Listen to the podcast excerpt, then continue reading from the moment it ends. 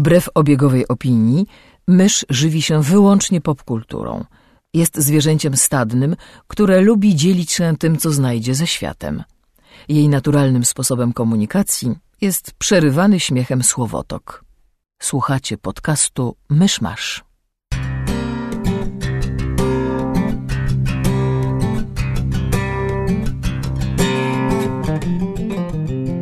Drodzy słuchacze, jest 21 maja 2018 roku, rocznica elekcji Jana Sobieskiego na Króla Polski. Zapraszam do 211 odcinka podcastu Mysz Masz. Cześć, jestem Krzysiek Ceran, a ze mną przy mikrofonie siedzi Mysz Halo! i Kamil Borek. Hej! I wracamy do Was po trzytygodniowej przerwie, ale to jest wszystko przemyślana roszada w ramówce i w ogóle kowboje wskoczyli w zeszłym tygodniu. Teraz będą dwa myszmasze z żełdu, w tym tygodniu Deadpool, w przyszłym tygodniu Solo. Woo! Jej! E, ale najpierw newsy. Myszu, co najbardziej się zainteresowało ostatnio?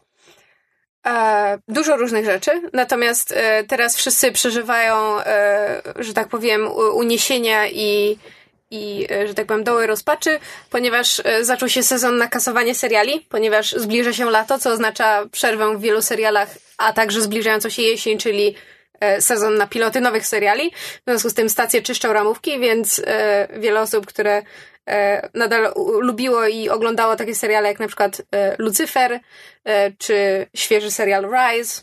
E, niestety musi się ze swoimi tytułami pożegnać, chyba że złapie ich jakaś inna stacja. Jak było w przypadku e, Brooklyn Nine-Nine, serialu stacji Fox, który został skasowany. Po czym e, podniósł się ogromny raban w całym szerokim internecie, włącznie z tym, że e, bardzo dużo różnych gwiazd lobbowało za tym, żeby ktoś inny wykupił Brooklyn Nine-Nine, w tym na przykład Ma Mark Hamill, albo Lin-Manuel Miranda, albo Sean Astin. I w ogóle była cała szeroko zakrojona akcja i po prostu Twitter był pełen gifów z Brooklyn Nine-Nine, Facebook zresztą też. E, I rzeczywiście To dzień chyba w później... ciągu 24 Tak, godzin. Dzień później stacja NBC e, ogłosiła, że, że wykupili jeszcze jeden, chy- chyba 13-odcinkowy krótszy sezon, żeby można było jakoś tę historię e, zakończyć, więc hurra! Czasami jakiś ten, czasami zrywy działają. To znaczy tu oczywiście jest kwestia tego, że prawdopodobnie NBC od dawna planowało to zrobić, bo z tego co wiem, tam był jakiś taki, tam była jakaś taka dziwna umowa, że serial miał być miał powstać u nich, ale ostatecznie był produkowany przez firmę zewnętrzną i trafił do Foxa, więc tak naprawdę NBC poniekąd odzyskuje Brooklyn Nine-Nine, które straciło i cały czas miało do siebie o to żal, że, że wypuścili jakby z rąk taką, taką kurę znoszącą złote jajka, więc jakby wrócili do domu, wszyscy są szczęśliwi. Natomiast w związku z tym, że niektóre seriale są kasowane, zaczęły się też, też pojawiać trailery do nowych seriali, które nas czekają w nadchodzącym właśnie jesiennym sezonie. W tym na przykład y, y, trailer do serialu Rookie, w którym powraca y, niejako myszmaszowy faworyt, to znaczy Nathan Fillion, biorąc pod uwagę, y, że pojawia się w kosmicznych obojach. E, I jest to serial opowiadający o mężczyźnie już powiedzmy w, w kwiecie wieku. Wiesz co, tak? e, opis serialu, jaki trafiłem, e, dość konkretnie mówi, że on ma 40 lat.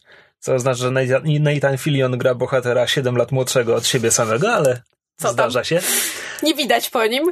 E, I jego bohater przechodzi swego rodzaju kryzys wieku średniego, który Znaczy, naprowadza go na nową drogę. Wła- właśnie, właśnie przeszedł przez rozwód, więc to jest jakby idealny wstęp do kryzysu wieku średniego. Potem akurat, akurat chowa obrączkę w skrytce w banku, kiedy na ten bank napadają złodzieje i on tam interweniuje, odwracając uwagę od kobiety, która przyci- przyciska ten, ten cichy alarm, żeby wezwać policję. No, No i ze zwiastunu wynika, że to... To, to go popchnęło na drogę ku zostaniu policjantem. tak, Funkcjonariuszem e, policji, e, że tak powiem, tego naj, najniższego szczebla, e, krawężnikiem, jak to się brzydko mówi, e, i jest jakby najstarszym tego typu funkcjonariuszem w, e. Jest w w- Los Angeles. Tak, w, w, w Los Angeles. No i w związku z tym ma różne mniej lub bardziej e, ciekawe problemy, bo niektórzy są mu przychylni w, jakby z, w ramach policji w Los Angeles, niektórzy są mu e, przeciwni i będziemy obserwować e, różne jego dylematy. To, co natomiast zwróciło moją uwagę i było dla mnie bardzo interesujące w kwestii Ruki, e, to nawet nie jest sam pomysł na serial. To jest fakt tego, że niektóre ujęcia w serialu, bo znaczy zakładam, że w serialu, bo w trailerze takie były, są z kamer mundurowych. Mhm. I widać, że bohaterowie je noszą przez cały czas. I wydaje mi się, że to jest bardzo ciekawe nawiązanie do e, ostatnich problemów e, w Stanach związanych z e, przestępstwami na tle rasowym, związanych z brutalnością policji.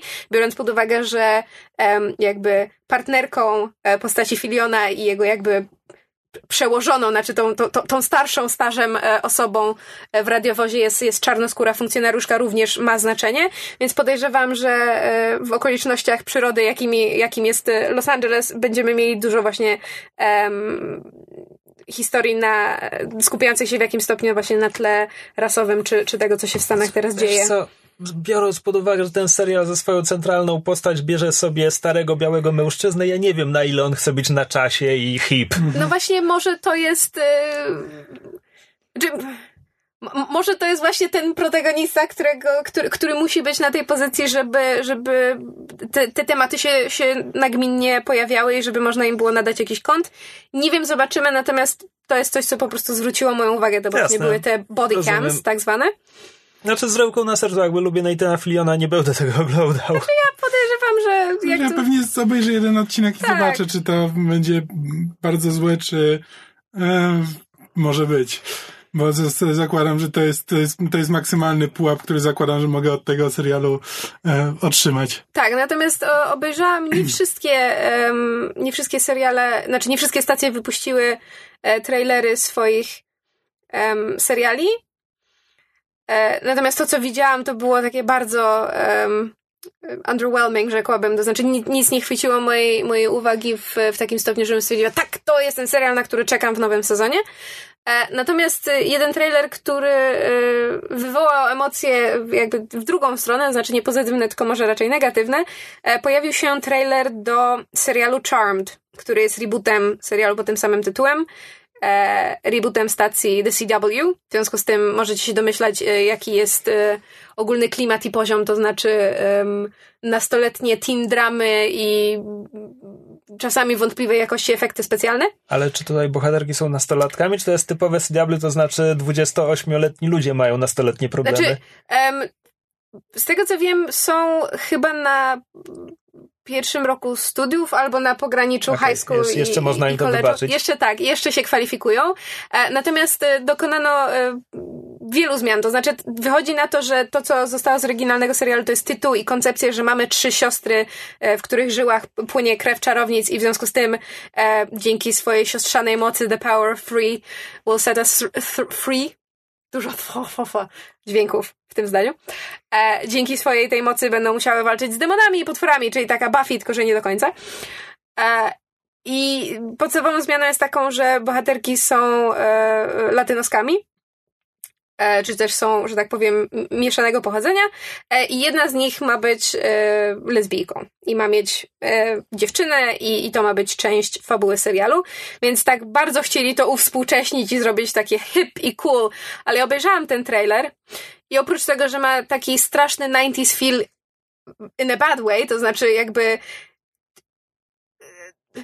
umówmy się, serial Charmed, mimo mojej ogromnej sympatii dla niego, teraz bardzo trąci myszką. Fakt, że ten trailer wygląda jakby został nakręcony w latach 90. wcale mu nie pomaga, bo w takim razie po co robić reboot? Równie dobrze można obejrzeć oryginał, co jest zresztą opinią bardzo wielu fanów. Fani są przeciwni temu rebootowi. E, przynajmniej ta większość, którą widziałam w internecie. Um, a dodatkowo, jakby to był bardzo moim zdaniem źle zmontowany trailer, było w nim strasznie dużo dłużyn, powtórzonych ujęć, które się jakby nie łączą w żadną spójność. Kojarzycie mniej więcej, jak są montowane trailery do polskich filmów? Okay. Jakby nie jesteście w stanie wywnioskować no totalnie, jaka jest fabuła i są zupełnie przypadkowe zbitki scen i dialogów. Mniej więcej na tej zasadzie. Um, i, jakby ta, takie tam były suchary i takie, tak, takie jakieś takie, za przeproszeniem, kulawe sceny, gdzie po prostu zero chemii między aktorami, jakieś takie głupie rozwiązanie już widać e, na poziomie konstrukcji e, pilota które nie są przeniesione z, z oryginału. Ja ogólnie byłam dość pozytywnie nastawiona do tego rebootu jako koncepcji, bo uważam, że Charmed jest sympatycznym serialem w momencie, kiedy mamy e, tak dużo głosów na temat e, produkcji, w których główne role grają kobiety, to tym bardziej uważam, że, że dla Charmed, czy, czy takiego serialu jak Charmed jest miejsce. I byłam też jakby pozytywnie nastawiona do, do wszelkich zmian względem oryginału. Natomiast po obejrzeniu tego trailera zaczęłam mieć poważne wątpliwości. Podejrzewam, że dam serialowi jeden czy dwa odcinki, ale, ale chyba, chyba jednak moje serduszko pozostanie przy, przy oryginale. Zobaczymy. Za to odpowiada twórczyni Jane the Virgin, więc może jest nadzieja. Zobaczymy. Zapowiedzianych seriali to też Sci-Fi ujawniło dwa nowe projekty. Znaczy, że ujawniło to w, jednym, przypadku przynajmniej jednego z nich to jest trochę za dużo powiedziane, bo jakby wiadomo tyle, że George R. R. Martin będzie robił, um, znaczy, że jakby jest... Um, no tak, ten człowiek potrzebuje hobby. Tak. Bo on nie ma co zrobić z czasem. Dokładnie. I będzie się to nazywało Night Flyers i obejrzałem trailer. A to jest adaptacja jakiegoś, e, jakiegoś jego opowiadania czy czegoś. Tak, tak znaczy ja nie, nie znam opowiadania, jakby nie przydawałem się, obejrzałem trailer i z trailera mi nic nie wynika. Znaczy poza tym, że to będzie w klimatach horroru. Bo po prostu pokazuje ludzi i pokazuje korytarze zamknięte i, i zakładam i rozumiem, że ci ludzie są tam zamknięci i coś tam się będzie działo. I to jest zasadniczo wszystko, co wiadomo z trailera. E, więc nawet jakby, jeśli ktoś coś wie na temat opowiadania, to może mu to coś więcej powie, e, ale zapowiedź była taka nic nie mówiąca kompletnie. Trochę więcej jakby było widać, e, drugi serial, który był zapowiedziany, nazywa się Deadly Class. To jest według komiksu. tak, na podstawie komiksu wydawanego przez Image i kręcony... Czyli go nawet omawiał w Pyszmaszu. Na pewno czytałem pierwszy album i dlatego wydaje mi się, że go omówiłem w podcaście. Możecie bo... wrzucić w wyszukiwanie i sprawdzić. E, kręcić go mają bracia Russo. E, I to jest w sensie, znaczy, bo gdyby, e, gdybym to po prostu obejrzał ten trailer i nie wiedział, że stoją za tym właśnie bracia Russo i że to jest na podstawie komiksu wydawanego przez Image, co jakby to są dwie całkiem niezłe rekomendacje, e, to bym stwierdził po prostu, o, ktoś robi gritty, e, gritty wersję Harry'ego Pottera. Bo na... To już jest i nazywa się The Magicians. No właśnie tak, i to, jest, to, to było moje skojarzenie, że właściwie ale w sumie już trochę coś takiego podobnego istnieje, tylko że jakby to nie obraca się wokół magii, tylko to jest o bezdomnym... Szkole asasynów. O bezdomnym nastolatku, który trafia do szkoły, e, do prywatnej szkoły, do której rodziny ten... przestępcze posyłają swoje to dzieci. Jest, to jest ten prequel Johna Wicka. Tak, to, to, to, jest coś dziwnego. To miało wiele sensu jako prequel Johna Wicka. Tak. Że wiesz, oni mają robić, oni się odgrażali, że zrobią serial w świecie Johna Wicka i ludzie zaczęli właśnie spekulować, jakie jeszcze, że tak powiem, establishmenty w tym świecie e, zabójców na zlecenie w Johnny Wicku mogłyby, e, mogłyby, że tak powiem, istnieć. No i na przykład szkoła dla młodych e, zabójców to jest dokładnie to. Hmm. Wygląda całkiem spoko. Jestem bardzo ciekaw, co im z tego wyjdzie. Na pewno znaczy, obejrzę. Znaczy, dla mnie to kawałek. wyglądało jak teledysk My Chemical Romance, co też jest całkiem dobrą rekomendacją jak dla mnie. E, gdyby kogoś interesowało, jakby kto ma amnezję przy tym mikrofonie, to e, przeczytałem ten komiks, nie umówiłem go w podcaście, bo to było podczas jednej z naszych licznych A. przerw, okay. kiedy prowadziłem myszmasza na piśmie na stronie, więc napisałem krótki tekst o tym, jeśli ktoś jest bardzo zainteresowany. Okej, okay, a podsumowanie dobre tylko... czy nie? Bardzo dobre rysunki, natomiast na warstwie scenariuszowej kompletnie mnie nie chwyciło. Ale to jest komiks, który ma bardzo dobre oceny wielu fanów i tak dalej, więc po prostu to jest produkt, z którym się minąłem. Zresztą Rick Remender jest takim scenarzystą, to jest jego komiks. E, Rick Remender jest takim scenarzystą, z którym ja się często mijam. On napisał na przykład znakomity Uncanny X-Force e, parę lat temu i to był jeden z najlepszych komiksów z mutantami z tej dekady, ba z tego wieku już, pójdę wyżej. E, i napisał też wiele innych superbohaterskich rzeczy, które moim zdaniem były w najlepszym wypadku mierne. E, natomiast jego autorskie projekty dla Image, próbowałem czytać kilka z nich. Szczerze mówiąc, żaden mnie nie przekonał, mm -hmm. więc to jest po prostu. Ale to jest tak, że na przykład, że tam jest dobra jakiś. Um początek, zalążek czegoś tylko niewykorzystany, czy po prostu kompletnie cię nie rusza ani Spłynęło. setting, ani... Co, bo to ta szkoła... Po prostu, przepraszam, po prostu zastanawiam się, czy jakby, jeśli to są bracia Russo, czy na przykład da się z tego wyciągnąć coś więcej, czego Remender nie zrobił, ale dałoby się, czy raczej po prostu to się zupełnie nie rusza? Słuchaj, ja przeczytałem tylko pierwszy album, e, dlatego nie będę mówił, czy Remender mhm. nie wyciąga więcej z tego pomysłu. Pierwszy album to jest po prostu wprowadzenie postaci, Jasne. wprowadzenie konceptu, poznajemy bohatera, poznajemy tych jego przyszłych rywali, przyszłych przyjaciół w tej szkole dla asasynów i po prostu oni wszyscy byli niesympatyczni. Ja absolutnie wiem, że to nie jest tak, że jak ktoś jest bohaterem historii, to musi być dobry, tak żebyś go lubił, tylko oni byli niesympatyczni w nudny dla mnie sposób. Mhm. I po prostu nie miałem najmniejszej ochoty czytać dalej o ich losach. Dobrze. I jeszcze z czystego obowiązku po prostu fascynuje mnie to, e, jakiś podrzędny kanał e, kablówkowy Epix e, zapowiedział, że twórca serialu Gotham będzie dla nich robił serial o Alfredzie Pennyworthie. E, jakby, co, który nie ma być spin-offem Gotham, Gotham ale i nie no będzie tak, miał... Po, po, co będą sobie wiązać ręce historią Alfreda z Gotham? Tak, będzie... Jeśli mogą napisać własną. Będzie inny aktor, e, ale jeszcze nie ma castingu. Słuchaj, no. Nie wiadomo. Zależy, zależnie od tego, jakby ile wersji postaci, tyle, tyle historii, ale w większości z nich, przynajmniej współczesnych, Alfred jest E, byłym komandosem, który grał w teatrze i marzył o karierze aktorskiej, ale jego ojciec był lokajem i jakby z ojca na syna w ich rodzinie prze, przechodził, przechodził ten fach i ostatecznie Alfred nie chciał, ale trochę musiał, ale potem poznał Wayne'ów i to tacy dobrzy ludzie byli, że on jednak stwierdził, że dobrze, on, on to będzie robił i także tu jest miejsce na dramatyczną historię romantyka, który jakby i w ogóle, Zostaje także ojcem. no, sam nagrody widzę, mnóstwo nagród. Hmm. Ale teraz moda jest na prequele, bo z kolei e, o tym, że e, serial na podstawie Władcy Pierścieni będzie dotyczył e, przeszłości, to jakby wszyscy spekulowali, natomiast teraz poszła wieść e, podobno e, potwierdzona, że serial ma dotyczyć Everybody Guess, młodego Aragorna.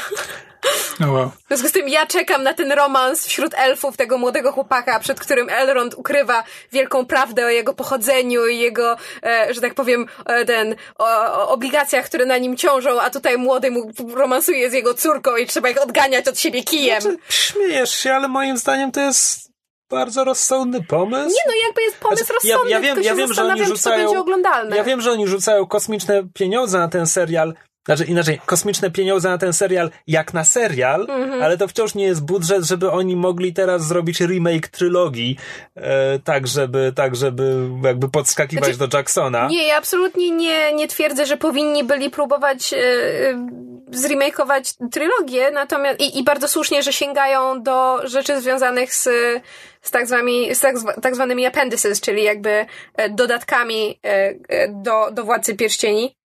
Znaczy, umówmy się, ja jakby w fazie swojego największego uwielbienia dla Tolkiena przeczytałem wszystkie dodatki do trylogii i tam wcale nie ma tak dużo materiału. Nie, to jest ale na właśnie- zasadzie Aragorn poznał Arwenę, zakochali się. No tak, ale właśnie o to Kropka. chodzi. To jest, wiesz, to jest, to jest, to jest jak taki zarys e, postaci do RPG, a potem wszystko możesz po prostu wypełnić, bo to są białe plamy. I ja to rozumiem, natomiast Och, mam nadzieję, że y, jedenasty sezon będzie o tym, jak e, córka Pippina opiekuje się księgą Czerwonej Marchi i przekazuje ją swojej wnuczce, różyczce, bo one wszystkie różyczki były.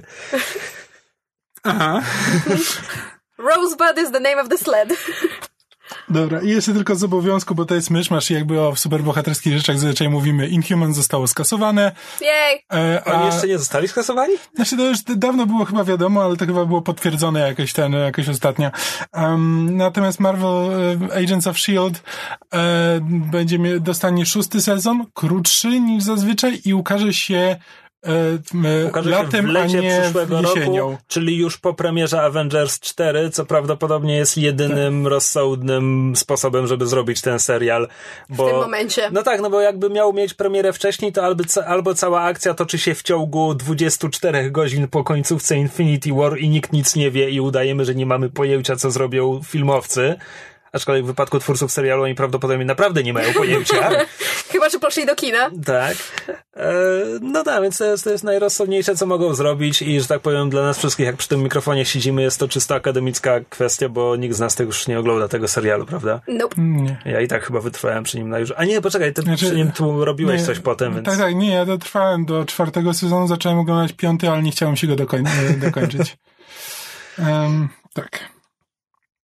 To chyba tyle No ja mam, ja mam jeden, to jest co A. prawda trochę inna kategoria newsa, no bo tak, seria CW już dawno, dawno temu, myślę, że tak z miesiąc, jeśli nie dwa miesiące temu oficjalnie powiedziało, że klepie wszystkie swoje superbohaterskie seriale i one wszystkie dostały przedłużenie jakby z automatu. Niektóre niesłusznie. Eee, nie wiem o czym mówisz. No jakby Flash jakościowo teraz chyba znaczy, już nie trzyma no ja, ja jakby poddałem się w zeszłym roku, więc ja nie wiem, co się dzieje w tym sezonie. Nie wiem, czy się zrobił lepszy, czy gorszy. Jak był w crossoverze wszystkich seriali, to był super, bo ten crossover z nazistami był super. Bo bili nazistów. To było w nim super. E, w każdym razie e, teraz oficjalnie ogłoszono, że w następnym giga crossoverze, tym, który zobaczymy gdzieś w listopadzie tego roku, po pierwsze, akcja będzie się toczyć w Gotham. Nie powiedzieli na której ziemi, ale w jakimś Gotham. I wprowadzą tam Batwoman. E, co jest czymś, na co ja czekałem. Znaczy, jak tylko seriale CW startowały, to stwierdziłem, że pewnie na to nigdy nie ma szans. Potem pojawiła się Supergirl, wtedy jeszcze w innej stacji, i miałem takie, okej, okay, czyli tam jest już świat, w którym jest implikowany Superman. To jak już jest implikowany Superman, no to logiczne, że jest tam też Batman, tak? Więc może nie będą chcieli nam pokazać Batmana, ale może pokażą nam Batwoman i będę oglądał Supergirl, bo będzie tam Batwoman. Więc do tego nie doszło. Ale teraz dojdzie w ramach tego crossoveru. E, I jestem szalenie ciekaw, bo to jest fantastyczna postać. Czyli, ale to mają tylko prowadzić ją w tym crossoverze? Miałem wrażenie, że to ma być osobny serial. Nie, A, nie, to jest tylko nie. na potrzeby crossoveru. Po, pojawi się, znaczy zadebiutuje w crossoverze, a ponieważ to jest CW, no to jeśli jakby będzie, mm. będzie pozytywny szum w internecie, nie zdziwię się bardzo, jeśli mm-hmm. e, znaczy przede wszystkim zakładam, że jak pojawi się w crossoverze, to potem dołączy do w miarę stałej drugoplanowej obsady no tak. któregoś serialu. E, ale też nie dziwiłbym się bardzo, gdyby, gdyby dostała własny serial prędzej czy później, zwłaszcza, że wydaje mi się, że oni nie będą ciągnąć Arrowa powyżej tego siódmego sezonu, który będzie teraz w przyszłym roku. Strzelam, strzelam w ciemno. Wiem, że to jest CW, które odnawia Supernaturala od okay. 15 tak, sezonów. 10 lat dłużej niż ktokolwiek podejrzewał. Słuszna, słuszna uwaga. Natomiast w tym momencie jakby mają te cztery seriale, mają Black Lightninga, który nie jest jeszcze częścią tego uniwersum, no ale też jest serialem superbohaterskim na podstawie mm. DC, który oni prowadzą.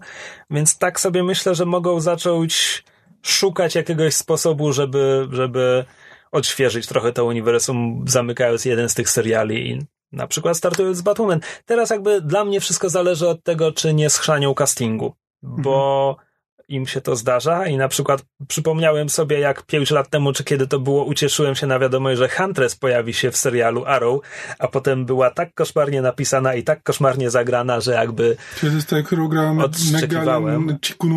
Nie mam pojęcia, nie wiem o kim mówisz. To, to była ta córka mafijnego bossa, która potem chciała go zabić, bo był mafijnym bossem. A nie, dobra, myślałem, że mówisz o tej, co z zwierzęta przywołuje. A, to było Vixen. Nie, absolutnie nie. Nie, ja lubiłem. Um, dobra. Tak, także Batwoman będzie w CW, jakby. E, no. Czekam, żeby się przekonać, czy to schrzanił, czy tego nie schrzanił. To tyle chyba z newsów już tym razem naprawdę. Tak, jak najbardziej. To zaraz. Myszmaszowe czytu, czytu? Tak, skoro dziewczyn nie ma w pobliżu, to musimy, e, że tak powiem, wypełnić honory. Muszą mieć jakieś podstawy, jakieś, wiesz, musimy mieć wpis do CV, żeby potem mogły nas wziąć do swojego podcastu. Tak nie mogą na piękne oczy. Mówisz, jakbyśmy już oboje tam nie byli. Ci obądź. Ja byłam tylko raz, ty byłeś wielokrotnie, ja muszę cztery, sobie jeszcze... już cztery. No właśnie, ja muszę sobie jeszcze coś tam do tego CV dopisać, bo wyraźnie dziewczyny myślą, że nie mam e, kwalifikacji. No dobra, no to oszołom mnie. Co przeczytałaś? Jedną książkę. to jest mój oszołomiający wkład w dzisiejszy odcinek. E, mianowicie przeczytałam e, książkę Simon vs. the Homo Sapien Agenda, e, która jest podstawą do filmu Love Simon, który w Stanach miał premierę, chcę powiedzieć, parę tygodni temu, a w Polsce nie wiem, czy w ogóle będzie miał premierę, czy po prostu wyjdzie na nośnikach. E, natomiast jest to. E, o filmie było głośno e, chociażby z tego względu, że jest to chyba jeden z pierwszych e, filmów na temat, e, znaczy takich e, young adult historii, gdzie bohater jest gejem i to jest jakby historia o, o jego życiu i o tym, jak odnajduje miłość i jakby pierwsza miłość, prawda, w, w liceum. E, bo tego typu filmy wychodziły wcześniej, sama widziałam ich wiele, natomiast jakby nie, nie w e, mainstreamie. W ramach indie kina gejowskiego? Tak, dokładnie. Znaczy nawet indie kina po prostu, już niekoniecznie z, z nurtu LGBTQ+. E, natomiast w tym momencie to jest jakby film, który z założenia miał wyjść do, do mainstreamu. E, I zrobiło się nim bardzo głośno, chociażby z tego względu, że jakby bardzo wiele osób na niego pozytywnie zareagowało i ludzie byli zachwyceni, ale także dlatego, że bardzo wiele gwiazd wykupywało e, teatry, znaczy kina w, w swojej okolicy, żeby, e, że tak powiem, ludzie mogli pójść na film za darmo. Czy to właśnie dzieciaki z, z właśnie różnego rodzaju tak, domów dla, dla młodzieży LGBTQ+, czy po prostu dla, dla właśnie ludzi z okolicy. E, I książka opowiada dokładnie o tym samym, co film. Swoją drogą film, e, tutaj takie zupełnie niechcące nawiązanie do e, seriali CW, o których mówiliśmy przed chwilą, mianowicie wyreżyserował Greg Berlanti. Więc to jakby też mamy tutaj sznyt osobisty, ponieważ Berlanti, z tego co wiem, jest że tak powiem, zadeklarowanym homoseksualistą i jest to temat mu bardzo bliski z, właśnie z, z powodów osobistych i bardzo mu zależało na tym, żeby te historie e, wiarygodnie i, i, i z sercem opowiedzieć, co jeśli wierzyć e, recenzjom filmu mu się udało. Natomiast ja przeczytałam książkę w przygotowaniu właśnie na seans filmu. No i kurczę, sympatyczne to było. To znaczy, to nie jest wybitna książka w żadnym, w żadnej, w żadnej postaci pod żadnym kątem. E, to nie jest wielka literatura przez wielkie W i wielkie L. Natomiast jest to po prostu bardzo sprawnie e, napisana książka z bardzo sympatycznymi bohaterami niejednowymiarowymi, co w wypadku um, książki, która się opiera um, na jakby nastoletnich dramatach pod tytułem o nie, pokłóciłem się z moim najlepszym kolegą, o nie, moje dwie koleżanki się nie lubią, bo obie się kochają w tym samym chłopcu. Znaczy tutaj mówię jakby hipotetycznie, bo nie chcę spoilować, ale jakby tego typu dramaty.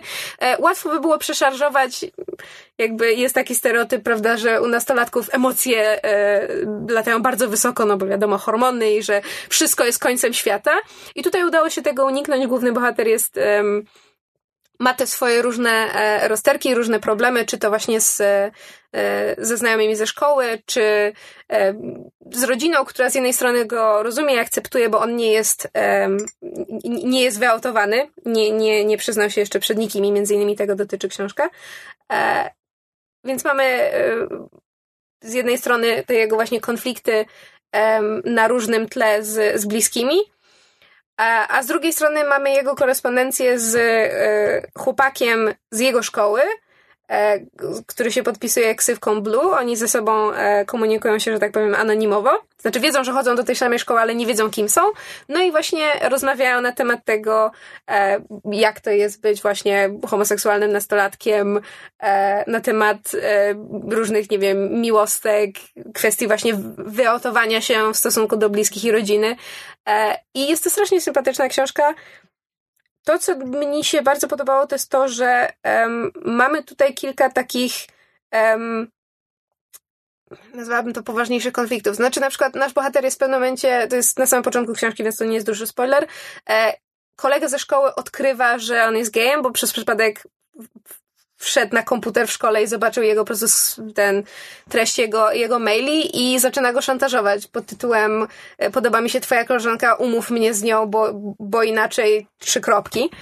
I to, co mi się podoba jest to, że, że ta postać tego chłopaka, który, który szantażuje bohatera nie jest pokazana jako e, śmiejący się złowieszczo, podkręcający wąsa z wall. To jest po prostu... No to tak po przyjacielsku szantażuje. Trochę tak. Ja wiem, że to brzmi dziwnie, ale to jest naprawdę dobrze pokazane. To znaczy, na początku trochę mnie to dziwiło, ale jest cały długi, długi e, fragment, gdzie właśnie ze względu na to, że nasz bohater próbuje zorganizować jakieś spotkania między tą swoją koleżanką, a tym, tym chłopakiem, którego szantażuje, żeby im stworzyć jakieś warunki do być może nawiązania jakiejś relacji, zaczyna nawet tak lubić tego chłopaka, bo on jest całkiem spoko, oprócz tego, że go szantażuje. I mi się podoba to, że to nie jest właśnie takie jednowymiarowe pod tytułem, a tak, on jest wstrętny, bo mnie szantażuje. Jakby w tym jest coś więcej. To jest potem um, jakby oni, oni się konfrontują na tym tle, są, jest, jest kilka naprawdę um, poważnych rozmów, e, jakby skąd tego typu zachowania się mogą brać i dlaczego to było złe e, i tak dalej. I to też wynika z tego, że e, autorka, o której do tej pory nie wspomniałam, co jakby świadczy o tym, że fantastycznie się nadaje do e, omawiania książek w czytu czytu, bo robię to bardzo profesjonalnie. Mianowicie autorka Becky Albertalli jest psychologiem z wykształcenia i z, z zawodu. I zajmuje się właśnie, e, mm, że tak powiem, pracą z, z nastolatkami, między innymi nastolatkami właśnie ze społeczności LGBTQ+. E, I jakby swoje doświadczenia e, zawarła w tej książce i, i przemyślenia. I naprawdę jest to po prostu bardzo, bardzo sprawnie, bardzo e, ciepło z sercem napisana książka o, o sprawach, o których czasami ciężko jest, jest e, mówić albo pisać bez uderzania w jakieś strasznie górnolotne e, albo takie um, górnolotne tony, albo takie wchodzenie na mównicę i, i, i prowadzenie jakiegoś kazania. E, było parę, parę momentów, gdzie się wzruszyłam, bo, bo po prostu bohater jest, jest, jest bardzo uroczy. E, I, I ogólnie polecam. Jeżeli ktoś lubi tego typu książki, jeżeli ktoś był zainteresowany filmem i się zastanawia, czy warto sięgnąć po książkę, to warto. To jest bardzo szybka lektura, to nie jest gruba książka. Um, Zresztą na okładce jest opisana z tyłu jako John e, John Green meets Rainbow Rowell, którzy są dwójką też właśnie autorów książek dla e, młodzieży, o których być może w Myszmaszu wspominałam przy innych okazjach. Rainbow Rowell pisze teraz Runaways. Także na pewno nie wspominaliśmy już kiedyś. Tak, ale chodziło mi o trochę inny kontekst, bo ja z kolei z nią osobiście mam na pieńku a propos jednej jej książki, więc... E... A widzisz, a jej Runaways są najlepsi od no, czasów Briana Vona. No właśnie słyszałam, więc e, będę musiała sięgnąć, bo jestem ciekawa, jak to tam e, wygląda. E, więc jeżeli komuś te nazwiska coś mówią i, i, i, i, i lubi książki właśnie Rainbow Rowell czy, czy Johna Greena, to jak najbardziej po, po Simona można sięgnąć. Natomiast, y, again, nie jest to wielka lektura, to jest dosłownie na, nie wiem, dwa, trzy dni, żeby szybko pochłonąć. E, natomiast bardzo, bardzo e, podkręciło mój apetyt na film. E, film wygląda bardzo, bardzo fajnie, jeszcze fajniej niż książka, więc podejrzewam, że będę go omawiać, jak, jak uda się już nam go dostać tu w Polsce. O! Krzysiu, jaką książkę ty przeczytałeś? Widzisz, ja przeczytałem dwie książki. Wyjdź! To dlatego próbujesz zapraszają mi, do Próbujesz mi upstage'ować, jak śmiesz. Um, pierwsza z nich jest bardzo ciekawa, ale boję się, że nie mam do niej, o niej wiele ciekawego do powiedzenia. To jest A Burglar's Guide to the City autorstwa Joffa Mano, jeśli dobrze wymawiam to nazwisko. M-A-N-A-U-G-H. Ja nie wiem, ja nie wiem, czy to jest angielskie, francuskie, czy nie wiem się. Myny, myny. E, tak, no więc ten, ten złodziejski przewodnik po mieście jest książką, którą zobaczyłem po prostu w księgarni w Londynie. zobaczyłem opis na okładce, stwierdziłem ciekawe biorę.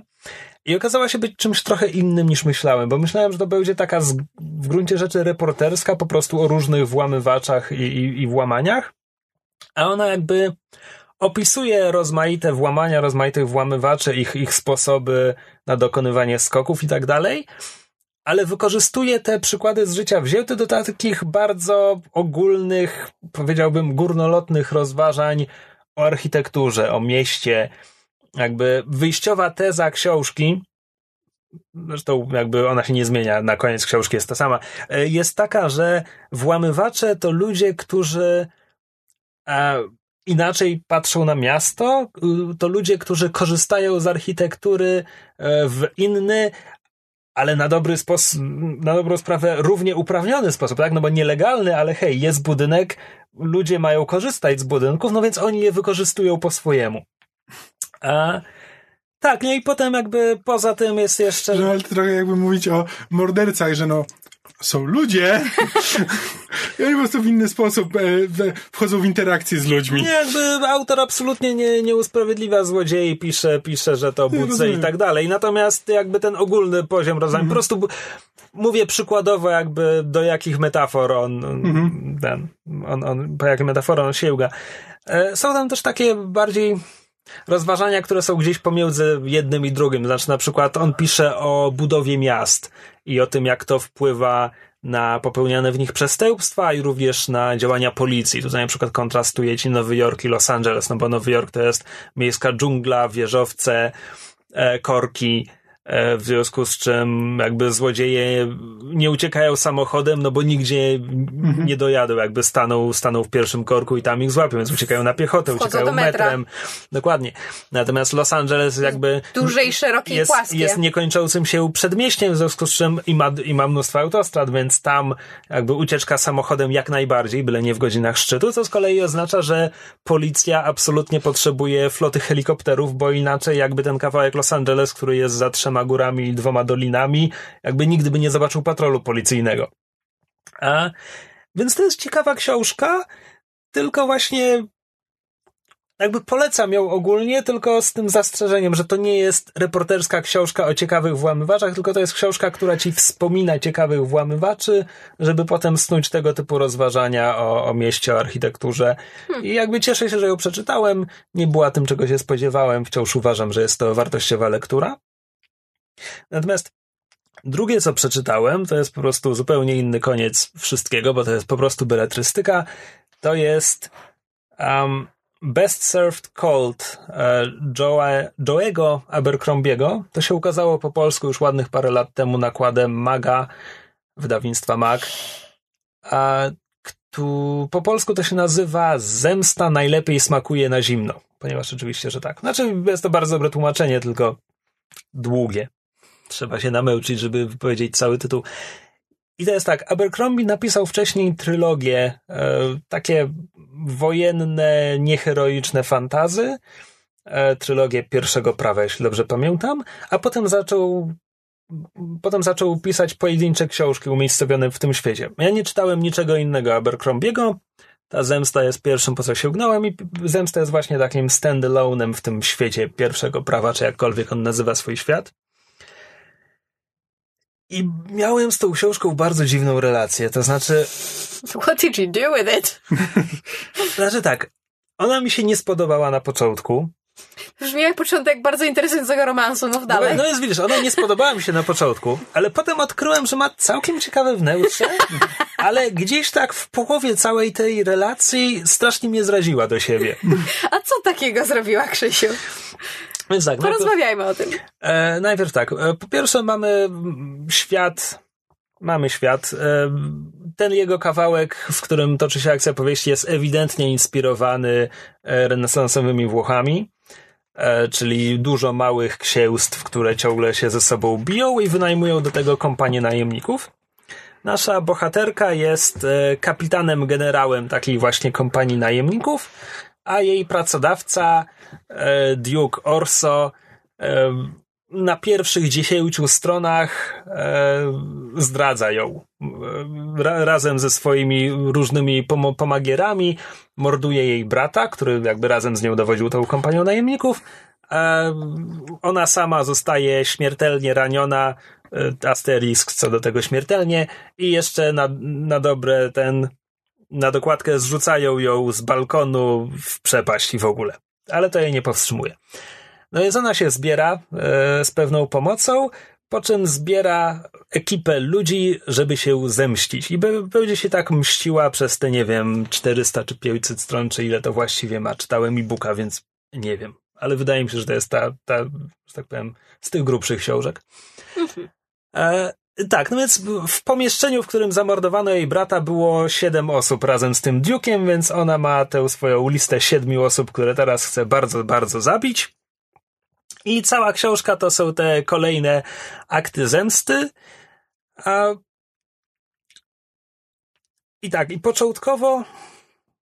Początkowo miałem z tym problem, bo tam jest taka dość szczątkowa narracja i bardzo szczątkowy world building a jednocześnie akcja bardzo szybko się rozwija, jakby dosłownie ten akt zdrady to jest pierwsze 20 stron, może 30, a potem nie wiem, jeszcze nie dotarłem chyba do 20% książki, kiedy nasza bohaterka Monca już się, już dokonywała zemsty na swoim pierwszym celu, więc tak sobie pomyślałem, okej, okay, jest tu niezłe tempo, jakby poznaliśmy tych paru jej kolegów i koleżanek, którzy będą jej pomagać w tej zemście, coś już tam niby o nich wiem, tak sobie myślę, dobra, czyli te kolejne akty zemsty tam mi wyznaczają jakby tempo i tam po drodze może się czegoś o nich dowiem i tak dalej. I zasadniczo tak to wygląda, gdzieś mniej więcej do połowy czy do 60% książki, gdzie nagle coś się rypło dla mnie. No teraz tak. Kiedy mówię, że ta książka ma szczątkowy world building, to znaczy ten Duke, tam Orso, on się bił z Ligą Ośmiu. To jest osiem sprzymierzonych księstw, miast, państw, które, które z, z nim walczyło. A Monca w ramach swojej zemsty musi wełdrować i odwiedza tych księstw kilka, nie wiem, trzy czy cztery w trakcie całej książki. I ja nie mam pojęcia, jak one się do siebie mają. W sensie dosłownie nie mam pojęcia, czy jedno z nich leży na zachód od drugiego, czy na północ, bo słowo daje, w całej książce nie ma o tym słowa. Nie mam pojęcia, jak wygląda ten kawałek kontynentu. Piąte przez dziesiąte wiem, jak wyglądają zamki, no i tam, nie wiem, jedno czy dwa miasta ma, miały, ma, miały jakieś lekko charakterystyczne cechy architektoniczne, tak? Coś zapamiętałem z nich.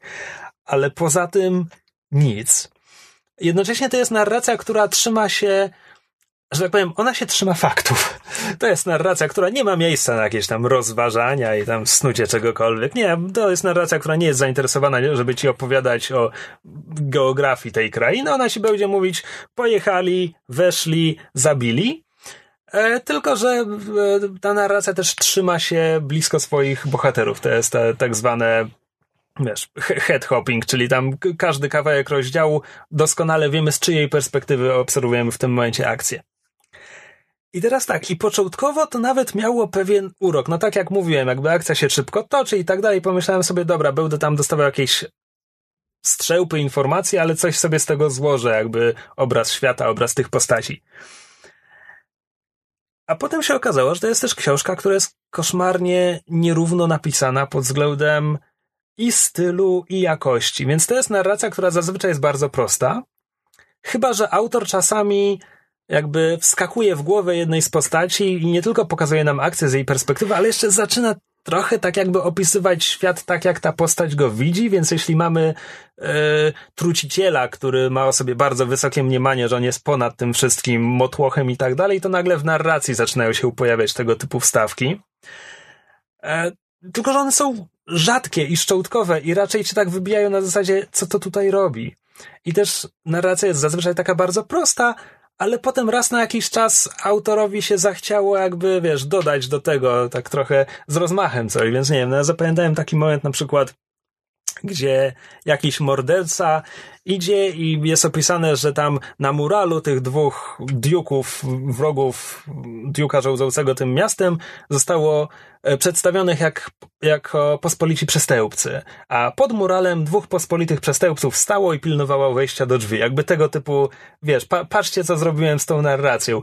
I to jest takie, okej, okay, mi się to nawet to podoba, tylko tego jest z kolei mało, na tyle mało, że każdy taki wtrełt był właśnie takim wtrełtem i nie wiem, co on robił w tej książce.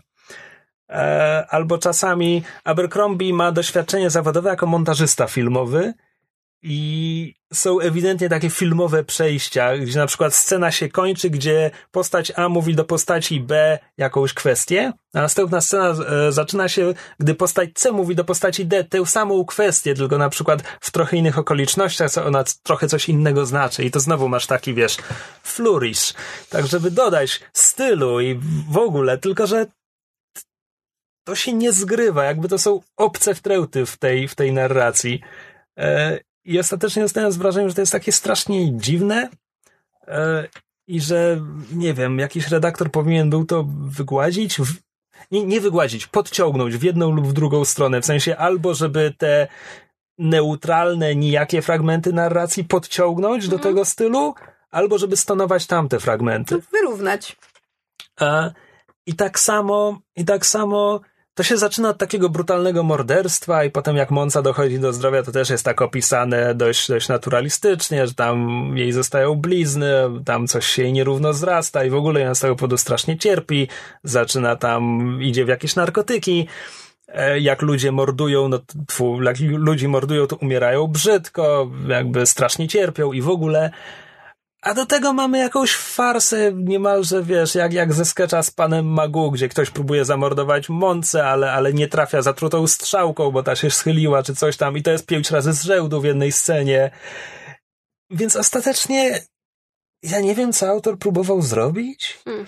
A z kolei te postaci, które zaczynają towarzyszyć Mon Moncie, Moncy, ona zbiera sobie taką grupkę jak morderców, e, szpiegów, e, no, ludzi, co się znają na torturach i tak dalej.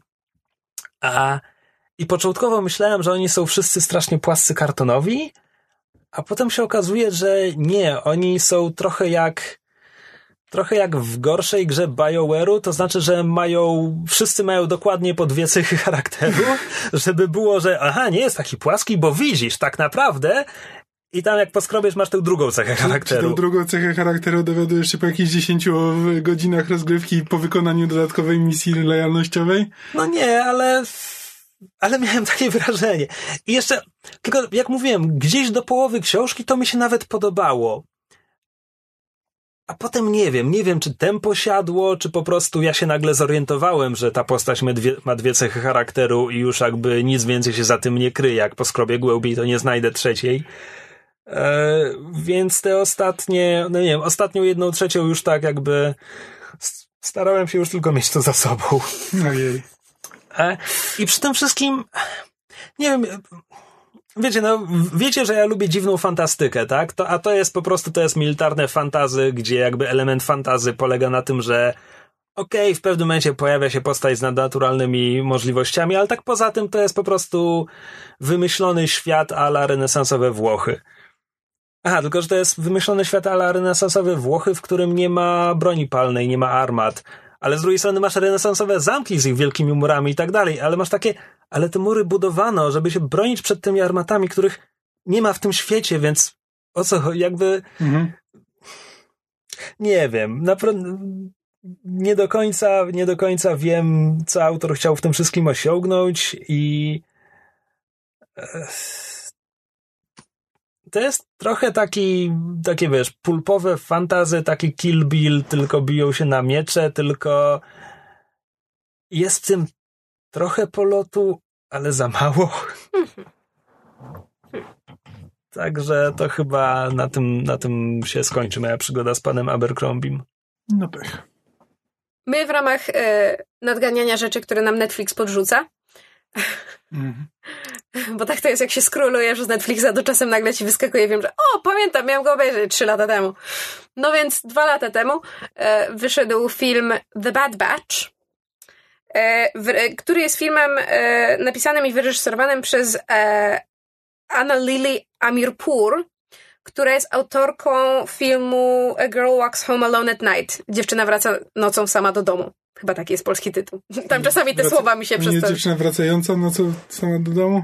Być może. W każdym razie to jest ten, jak, jeżeli kojarzycie ten e, i, irański spaghetti western o wampirzycy, to to jest autorka tego filmu.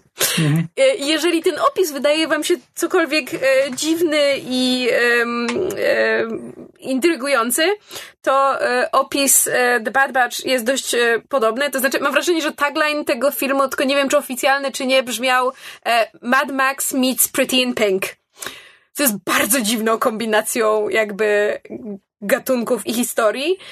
W, w miarę wiernie oddającym klimat filmu, I guess. Oglądałem Pretty in Pink, ale nawiązanie, no, do Mad Maxa, nawiązanie do Mad Maxa jest jakby czysto stylistyczne. E, tak, to znaczy to jest film, który w bardzo dużej mierze opiera się na stylistyce, e, rzekłabym, post-apokaliptyczno-grindhouse'owej wręcz.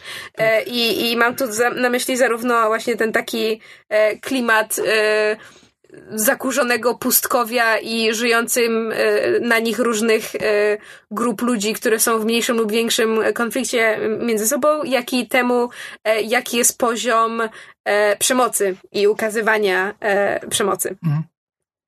I fabuła filmu wygląda tak, że mamy jakąś Młodą dziewczynę. Jak, nie, akurat nie o to, nie to chciałam powiedzieć. Chciałam powiedzieć, że w miarę jakąś niedaleką przyszłość, Ech. gdzie um, e, na, na południowej granicy Stanów Zjednoczonych, za południową granicę Stanów Zjednoczonych są wyrzucani ludzie, którzy zostali o, o, tak ogólnie przez społeczeństwo uznani za właśnie the bad batch.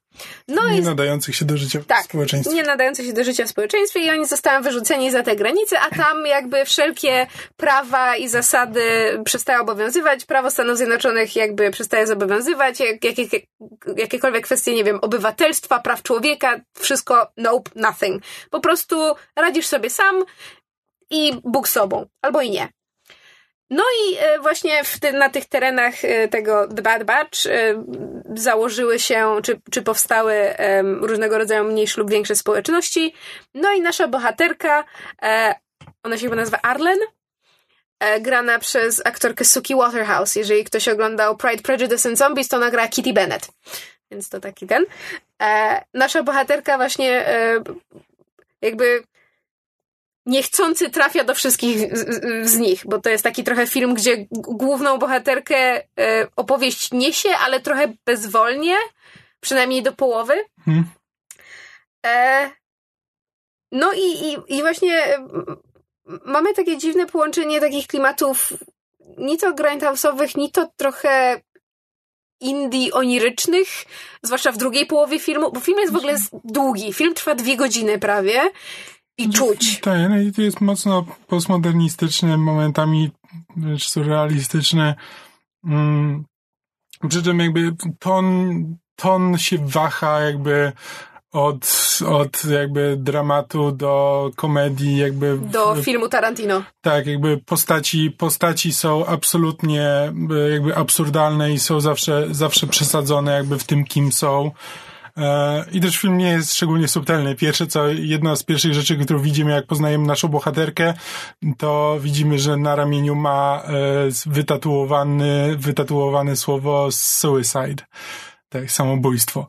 E, więc jakby od początku wiem, że mamy do czynienia z kimś, jakby, i to widać w filmie, znaczy ona jest jakby kompletnie zblazowana jakby e, nic ją szczególnie nie obchodzi, znaczy ona ma takie dosyć, rzadko kiedy widzimy u niej jakieś podwyższone emocje. Tak. Um, nawet jakby w sytuacjach, które by, które by tego wymagały. To znaczy, ja, ja mam takie śmieszne porównanie, a, znaczy nie wiem na ile nasi słuchacze kojarzą, e, co to jest Burning Man. Burning Man Festival to jest taki festiwal na pustyni w bodajże Nevadzie, e, który jest co roku i tam jest po prostu, to jest jak Woodstock, tylko 300 razy bardziej. Tak, jeszcze bardziej hipisowski. Tak, jeszcze bardziej hipisowski, jeszcze bardziej, e, nie wiem, pomieszanie z poplątaniem kiczu, neonów, hipsterstwa, narkotyków, e, artyzmu, bohemy i jeszcze to wszystko jest na pustyni i jeszcze w tym są elementy jakieś, nie wiem, sztuki cyr- cyrkowej, performance'u, muzyki, muzyka, wszystko. Mhm. No więc ten film jest jak Burning Man, a przynajmniej to, to, to co o nim słyszałam. E, jest taki właśnie bardzo pomieszanie z poplątaniem. E, tak jak wspominałam, trwa dwie godziny i te dwie godziny czuć. To znaczy, to jest film, który w ogóle się nie boli dłużyzn. Jakby nie wiem, gdzie był montażysta. Znaczy, Spał. Spał snem znaczy, kamiennym. Nie, to, to nie jest kwestia tego, gdzie jest montażysta, jakby no, to jest jakby specjalnie. Oczywiście, że specjalnie, zrobione. co nie zmienia faktu, że y, są sceny, którym wręcz po, potrzebne było, e, był, był jakiś, e, jakiś montaż, bo jakby rozumiem decyzję, żeby na przykład, nie wiem, scena, kiedy nasza bohaterka jest właśnie pod wpływem narkotyków, trwała, trwała dłużej, zwłaszcza, że czas jest w nich spowolniony, no ale nie 10 minut. Cała po prostu sekwencja, kiedy ona sama stoi na pustyni i patrzy się w niebo które jest takie wielkie. Mniej więcej ten poziom e, głębi i właśnie subtelności, mm. jeśli chodzi o, o, o, to, co film próbuje przekazać. Natomiast to, co jest w filmie ciekawe, to jest e, ciekawe pokazane, to są, mam wrażenie, te społeczności, które są takie bardzo, um, znaczy one są ledwo zarysowane, to są, to są takie szkice e, wręcz, natomiast wywołują, mam wrażenie, silne emocje, zarówno, zarówno jedna, jak i druga społeczność, bo tam są dwie, dwa takie duże, e, nazwijmy to, ośrodki, do których nasza bohaterka trafia. Tak, to w ogóle jakby film czerpie sporo jakby z kina drogi i to takiego jakby właśnie um, no, to jest typu, nie wiem, Easy Rider czy coś, jakby masz masz czuć to, że oglądasz film i patrzeć na krajobrazy i jakby e, to, to, nie ma być tak, że to ma, to ma być wartka akcja i wszystko ma się zmieniać. E, jakby pierwsze, pierwsze w ogóle, co popycha jakby akcję do przodu, to jest jej, zostaje tuż, tuż po tym, jak trafia do tego, na to terytorium, to zostaje złapana przez jakichś tubylców. E, I w, e, w wyniku tego traci rękę i nogę. No tak, no to jest. E, e, Znaczy, nie, to, to jest nawet, to jest nawet w trailerze, w trailerze jakby pokazane, bo to jest jakby w, w społecznym, tam część, część tych ludzi y, mieszkających jakby na obrzeżach to są, to są kanibale. E, więc oni po prostu, jakby nowy nabytek to jest po prostu źródło pożywienia, bo tam, no bo jesteś na pustyni, nie bardzo jest nawet czym się, e, czym się żywić. E, więc po prostu łapią nowych ludzi i tak, i, i na początku e, pierwsze co się dzieje, no to właśnie ona traci, traci rękę i nogę, ale udaje jej się uciec. E, I, e, I potem jakby poznajemy kolejne, ona trafia do innej społeczności, która już funkcjonuje, jakby utworzyły się jakieś normalne struktury. Później się oczywiście okazuje, że za tym wszystkim stoi e, w, mniej więcej przywódca kultu. Tak, jakby dosyć, do, w dosyć absurdalny sposób pokazany. Jakby ona, ona cały czas jest e, rozgoryczona, więc jakby jej tak to nie jest do końca chęć zemsty, to nie jest tak jak Kill Bill, gdzie jakby on, ona y, ona ma palącą chęć zemsty, jakby wyrusza, żeby się zemścić na kimś, ale jakby akt zemsty jest, e, jakby popycha dalej fabułę do przodu. Um, I to jest po prostu i tam się po prostu rzeczy dzieją. To nawet nie jest film o czymś. To jest po prostu, to, to jest po prostu taki lekko kontemplacyjny, lekko surrealistyczny. On by prawdopodobnie dobrze się komponował z różnego rodzaju używkami, bo, z, bo w, jakby w podwyższonym stanie świadomości to, to, zupełnie inaczej by się to oglądało. Zwłaszcza, że wizualnie to jest bardzo, bardzo Ech. pięknie nakręcony film.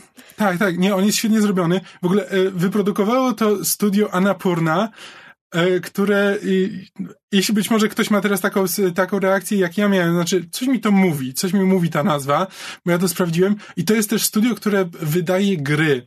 E, między innymi wydało e, What Remains of Edith Finch, które też jest takim surrealistycznym po prostu kolażem historii zebranych do kupy, w których każda, każda ma zupełnie inny klimat i inną stylistykę. Ty chyba omawiałeś go, tę grę w Myszmaszu, prawda? Możliwe. Mam wrażenie. Krzyś zaraz nam z Google'a.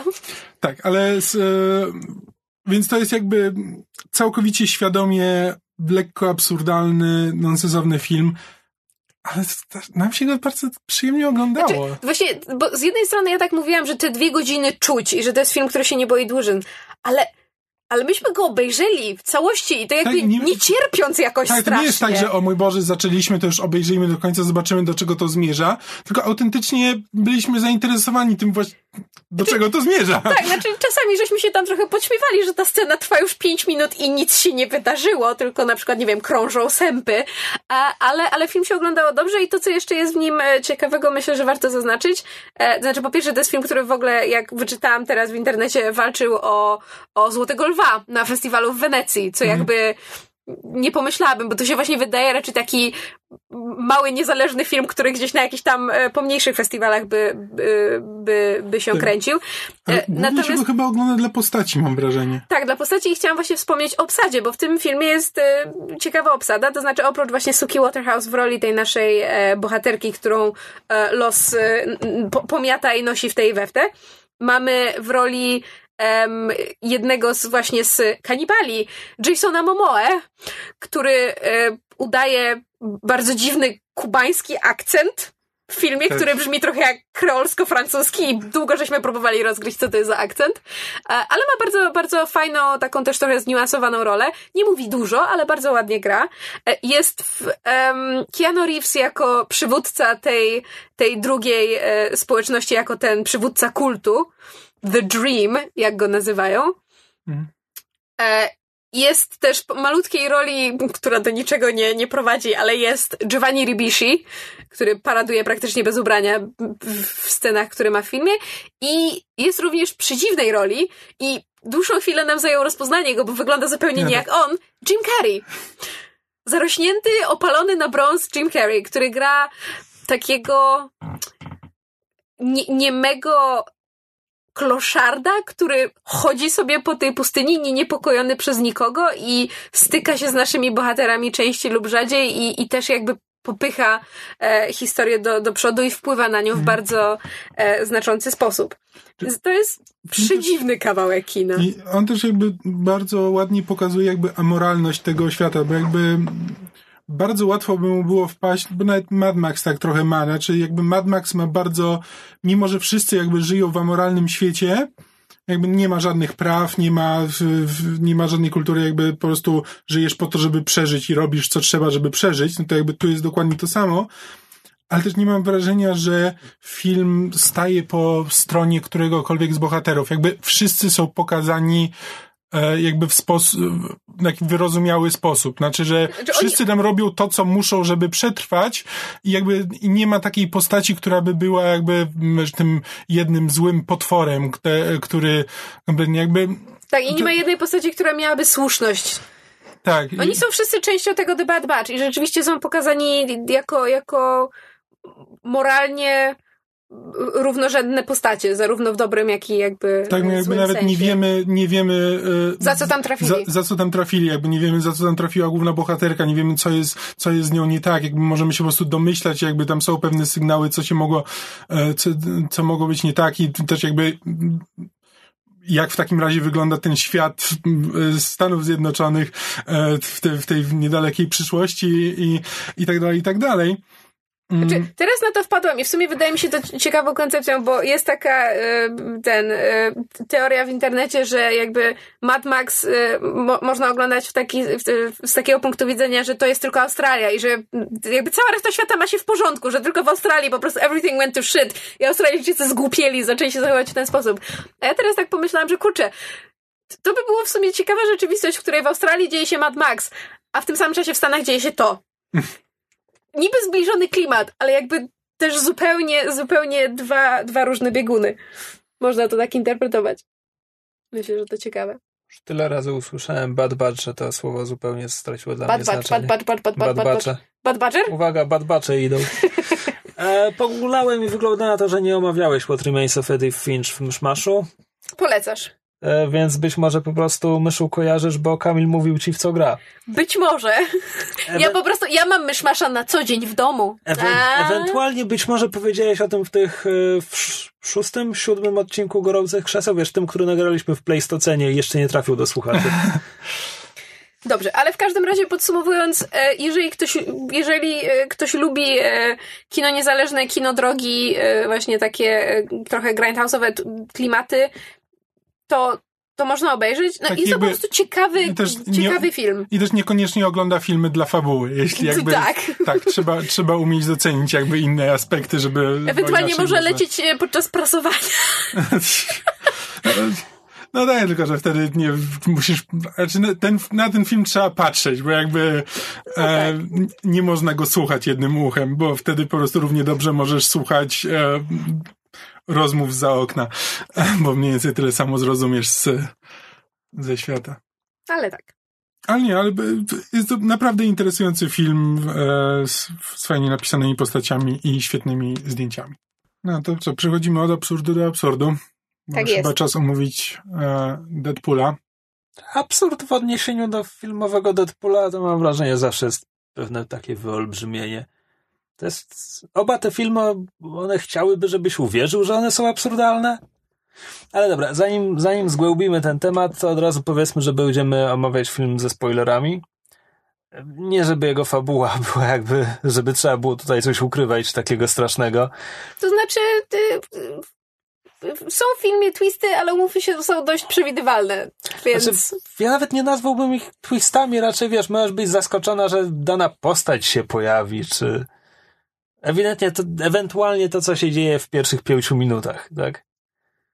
No dobra, no to będą spoilery, tak? Więc co się dzieje e, w pierwszych pięciu e, minutach? No więc po tym, jak sobie te dwa czy trzy lata temu myślałem, że nawet niezły ten Deadpool, ale w sumie to zmarnowali Morenę Bakarin, w tym, w tym odcinku spuszczają na nią lodówkę, tak, także jej.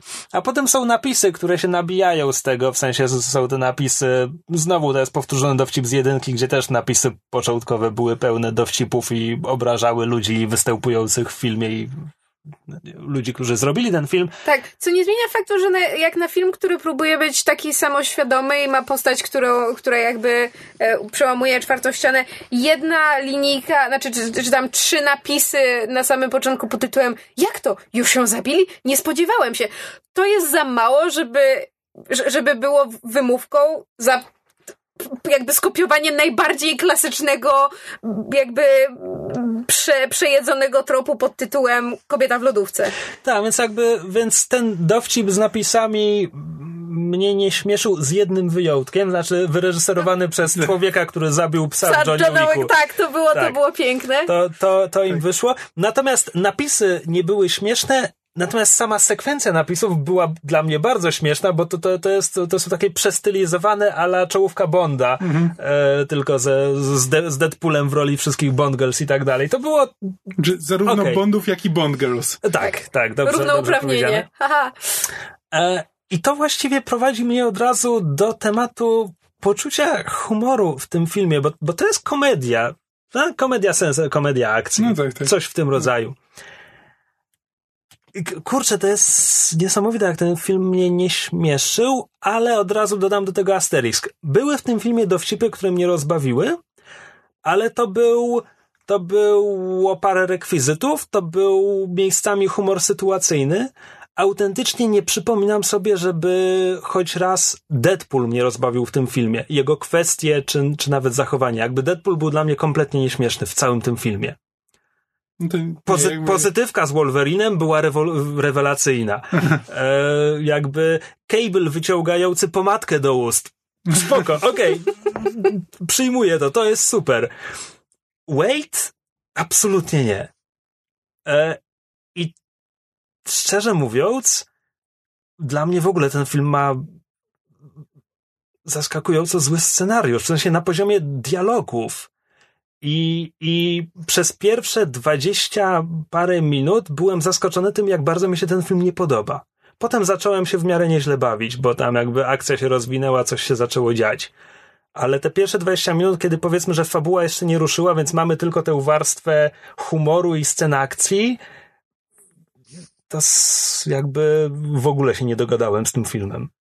Znaczy ja to trochę rozumiem, dlatego że... Znaczy ja się bawiłam całkiem dobrze, to znaczy rzeczywiście zaśmiałam się, mm, że tak powiem, wielokrotnie i jakby ja mam słabość do Ryana Reynoldsa, więc e, jego, jego specyficzny sposób grania, właśnie też odgrywanie niektórych scen, to jak Wade się zachowuje w pewnych momentach jest dla mnie e, zabawne w taki trochę sposób e, smutnego klauna.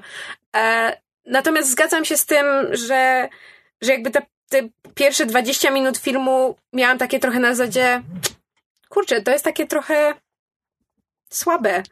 I dopiero w momencie, kiedy pojawia się, pojawia, pojawia się więcej postaci, pojawia się jakby drużyna, już abstrahując od tego, co się z nią potem dzieje, jako, jak, jak się um, e, sytuacja klaruje pod względem e, ilości bohaterów w filmie, to dopiero w momencie, kiedy się pojawiły inne postacie i Wade był na ich tle i z nimi miał dialogi, to nagle mi to zaczęło, jakby na, nagle mi wszystko kliknęło. Bo kiedy Wade był sam, to było tego jakby. Ten, ten clown był zbyt smutny. Ja bym tutaj też dodał, że. Bo mi też film się zaczął podobać. No, no tak, no, zasadniczo zaczął mi się podobać, już patrzę, że był wciąż nieśmieszny. E, właśnie gdzieś tam, kiedy się rozkręcił, również dlatego, że dużo, dużo, dużo bardziej niż jedynka, to jest X-Meńska historia. W sensie tutaj wszystko kręci się jakby przylatuje Cable z przyszłości, podróże w czasie są związane z X-Menami od 30 lat z jakiegoś powodu. E, cała historia kręci się wokół tego, że... Uratujmy dzieciaka. Mutanta, tak. tak? Chcemy, chcemy dorwać albo uratować mutanta. Mamy jeszcze to całe osobne więzienie dla mutantów i tak dalej. To jest jakby bardzo X-Meńska historia, w którą tylko Wade jest wplątany. Jakby na tym poziomie mi się to podało, podobało, tak? No bo lubię X-Menów, jakby chciałbym, żeby ich filmy były lepsze. I to jest właśnie piękne, bo Deadpool 2 to jest ten spin-off X-Menów z alternatywnego świata. Ja bym chciał obejrzeć te filmy o X-Menach, do których ten film jest spin-offem, bo jakby to, to się ma nijak do naszych filmów o X-Menach. Tak. E, tutaj, bo skoro już mówimy o X-Menach i po, mówimy spoilerowo, to ja muszę powiedzieć o moim ulubionym e, e, fragmencie filmu, to jest, to znaczy to cameo X-Menów, które dostajemy. Ja wiem, że ono jest po prostu, znaczy, to jest, to jest, to jest jedna malutka scena, ale ona, ona tak po prostu, tak mnie strasznie uradowała, że oni rzeczywiście mieli te żarty pod tytułem, o, nie stać nas na X-Menów, nie stać nas na X-Menów, przejazd kamery, haha, there they are, i dalej. I jakby Wade to kompletnie, e, kompletnie ignoruje, to znaczy jakby w sensie nie, nie zauważył, tak. Przegapia no, to, to, to, jakby to mnie rozbawiło, rozbawiło. To był ten tak. element e, poczucia humoru w filmie, który mnie rozbawił. Natomiast y, ja po prostu w tym filmie po raz pierwszy, znaczy jakby po raz pierwszy w tym filmie miałam okazję, no bo jakby nie czytam komiksów z Deadpoolem, nie miałam, nie miałam wcześniej możliwości. W większości nie warto. Czy abstrahując. E, natomiast zorientowałam się, że e, Wade czy Deadpool moim zdaniem o wiele lepiej się sprawdza także jako ten, ten właśnie smutny clown w momencie, kiedy ma jakby z kim albo przeciwko komu grać. To znaczy w sensie w dynamice grupowej Deadpool jako postać mi się podobało wiele bardziej. To znaczy ten, ten witty banter, który, który technicznie rzecz biorąc powinnam, e, że tak powiem, w jakiś sposób e, utożsamiać z Deadpoolem, on musi być z kimś. No, on nie może gadać sam do kamery. Bo, no bo jakby banter z definicji jest do kogoś. Dokładnie. Jakby nawet, nawet w solowym tytule, jaki jest Deadpool, on zawsze ma obsadę drugoplanową. To mhm. jakby on nie rzuca żartów w przestrzeń. No, to, I też jakby dla mnie te, to zdecydowanie lepiej działa, kiedy on ma właśnie innych superbohaterów, przeciw jakby przeciwko którym może grać, jakby ten, e, niż kiedy, niż z tą obsadą jakby ludzi wokół niego. E, bo jakby, bo to są wciąż te same żarty. Deadpool się zawsze nabija jakby z innych. Znaczy z siebie też czasami, ale to jest zazwyczaj jakby żarty, które ewidentnie jakby obrażają i mają na celu wkurzyć innych. E, jakby, kiedy on po prostu się nabija z innych ludzi wokół niego, to to jest takie, no, to jest tak zwane punching down, znaczy to są jakby ludzie, którzy nie są, nie, jakby są poniżej po, jego poziomu, ci, pomagają, bucem, tak. A on jest dla nich, on jest dla nich bucem. Natomiast kiedy on się nabija z innych superbohaterów, to jakby to jest zupełnie inny klimat. To jakby to po prostu e, wtedy, wtedy jakby upuszcza powietrze z tych nadętych, nadętych e, jakby stereotypów, które funkcjonują jakby w komiksach i filmach superbohaterskich. I, I to się fantastycznie sprawdza w wypadku w, w tym filmie dwóch postaci, no bo mamy e, Colossusa i Cable'a, którzy są jakby w pewnym sensie kwintesencją tego. Tak, jakby, y, znaczy w ogóle, znaczy mnie TJ Miller jakby po prostu z zasady wkurza. On gra tego przyjaciela Wade'a, tak, Weasela. On grał też w Silicon Valley, jakby najgorsza postać, jakby... Więcej tylko, nie wróci, tralala. Tak, jak tylko, go, jak tylko go wyrzucili z Silicon Valley, to ten serial się zrobił dużo lepszy dla mnie. Um, nie, nieważne. Ale w każdym razie, biorąc pod uwagę, że po prostu nie lubię, nie lubię tego aktora, to jakby jego interakcje z mm, Deadpoola i Weasela zupełnie mnie nie śmieszą. I to takie ewidentnie hej, teraz będzie improwizowana, teraz będzie improwizowana scena, bo teraz, e, bo teraz Weasel e, kogoś nazwie jakimś rozbudowanym epitetem i to prawdopodobnie jest TJ Miller wymyślający na bieżąco kilka różnych kwestii, z których później montażysta wybrał sobie jedną. Jakby Zupełnie mnie to, zupełnie mnie to nie bawi, jakby po prostu w tym momencie mam wrażenie, że widzę za, e, za kurtyną i nie, nie podoba mi się, co widzę. Hmm. Przy czym jakby e, ja mam zupełnie inne odczucia niż Krzysiek, jakby cały film mi się bardzo podobał i śmiałem się cały czas. I nawet kiedy jakby zgadzam się, że wie, wielokrotnie jakby widzę, że pewne dowcipy są albo powtórzeniem tego, co mieliśmy w jedynce, albo, y, albo są czymś, co się czego się spodziewałem, albo są dosyć banalne, a i tak się z nich śmiałem. I nie potrafię tego wytłumaczyć. Znaczy, ja a? mogę bardzo konkretnie powiedzieć, jakby podobało mi się cameo X-Menów, pozytywka z Loganem była wybitna. Podobał mi się running joke, e, ponieważ to był, ponieważ on szedł w absurd, kiedy Deadpool powtarzał, jak to jest X-Menem, czy był X-Menem i ktoś ze sceny mu zawsze odpowiadał. Rekrutem. Tak, ty tylko tam in training i tak dalej. Bo to było bardzo zabawne, bo to przełamywało czwartą ścianę, bo mówili mu to ludzie, którzy nie mają prawa tego wiedzieć. To było śmieszne. To mnie rozbawiło. E, natomiast były też rzeczy, które wiem, że one by mnie śmieszyły, tylko moim zdaniem wykonanie cierpiało, timing, wyczucie czasu. Eliminacja X-Force. Eliminacja X-Force byłaby dla mnie bardzo śmieszna, gdyby odbyła się w 15 sekund, a to jest rozciągnięte na parę minut. W momencie, kiedy Terry Cruz ginie na, na czele autobusu, już wiesz, co się stanie z całą resztą, a film jakby cię to dawkuje tak strasznie powoli. Ja już na etapie trailerów widziałem, co się stanie z tą, z tą drużyną, jakby. Tak, to prawda, Kamil się do mnie nachylił w trakcie seansu, w momencie, kiedy było zbieranie drużyny i powiedział, no, oni długo nie przeżyją, a ja miałem takie, nie, no co ty mu... uh, damn it. Znaczy, znaczy, biorąc pod uwagę jakby jaką obsadę wzięli do tego, że to jest X-Force i jakby wzięli do tego obsadę jakby nie zupełnych randomów, tylko jakby na Terry Crews czy tam Skarsgård nie są to jakieś wielkie gwiazdy, ale rozpoznawalne twarze i tak dalej. I w ogóle na przykład nie pojawiali się w marketingu Deadpoola, prawda? Och, nie, nie, oni byli w zwiastunach. Co więcej, znaczy byli w zwiastunach, w zwiastunach ale... były też fałszywe ujęcia z nimi. Yy, ujęcia jakby ze sceny akcji, by było jakieś ujęcie z Shatterstara machającego mieczami, coś takiego jakby, więc tam była próba zmyłki. Być może, ale jakby, ale nie, bo mi chodzi o to, że w trailerach byli, ale jakby w ogóle nie brali jakby udziału w marketingu, jakby nie, nie to nie jest, to nie jest to, że to są jakby równo, równorzędni e, z, równorzędni aktorzy. To jest mniej więcej, to jest mniej więcej na takiej zasadzie, jak w Suicide Squad pojawia się, jak on się nazywa, Whiplash, czy e, nie, ten, ten z batem, ten, co się potrafi spinać. Jako jedyny, który nie dostaje, nie dostaje swojego e, nie, nie dostaje ekranu, który tłumaczy, kim on jest, tylko po prostu ktoś mówi, że to jest ten, co się potrafi wspinać już wiesz, że i, i, prawie nie było go w trailerach, więc e, okej, okay, on zginie za chwilę. Katana chyba też nie miała swojego ekranu ze stopklatką. To Katana. She's got my back. To jest wszystko, co dostajesz o Katanie. Ale że ona nie jest Suicide Squadu. Ale dobra, Rick, A, no, Rick Flag okay. dostaje. A, e, to jest jakieś a. wszystko porąbane. Ujmijmy to, jakby Suicide Squad nie jest nigdy argumentem na nic, tak, poza, poza tym, że jest złym filmem. Um. Znaczy, ja mam z Deadpoolem ja mam z Deadpoolem trochę tak jak z nagą bronią, przy czym no jakby w... Um... Ale widzisz, właśnie mnie pierwszy Deadpool jakby nie jest tak, że śmiałem się z każdego żartu, ale pamiętam, że śmiałem się z iluś tych żartów. Tutaj w ogóle jakby dla mnie osobną kwestią jest to, że w drugim Deadpoolu ogólnie żartów jest mniej. Serio? Wiesz co?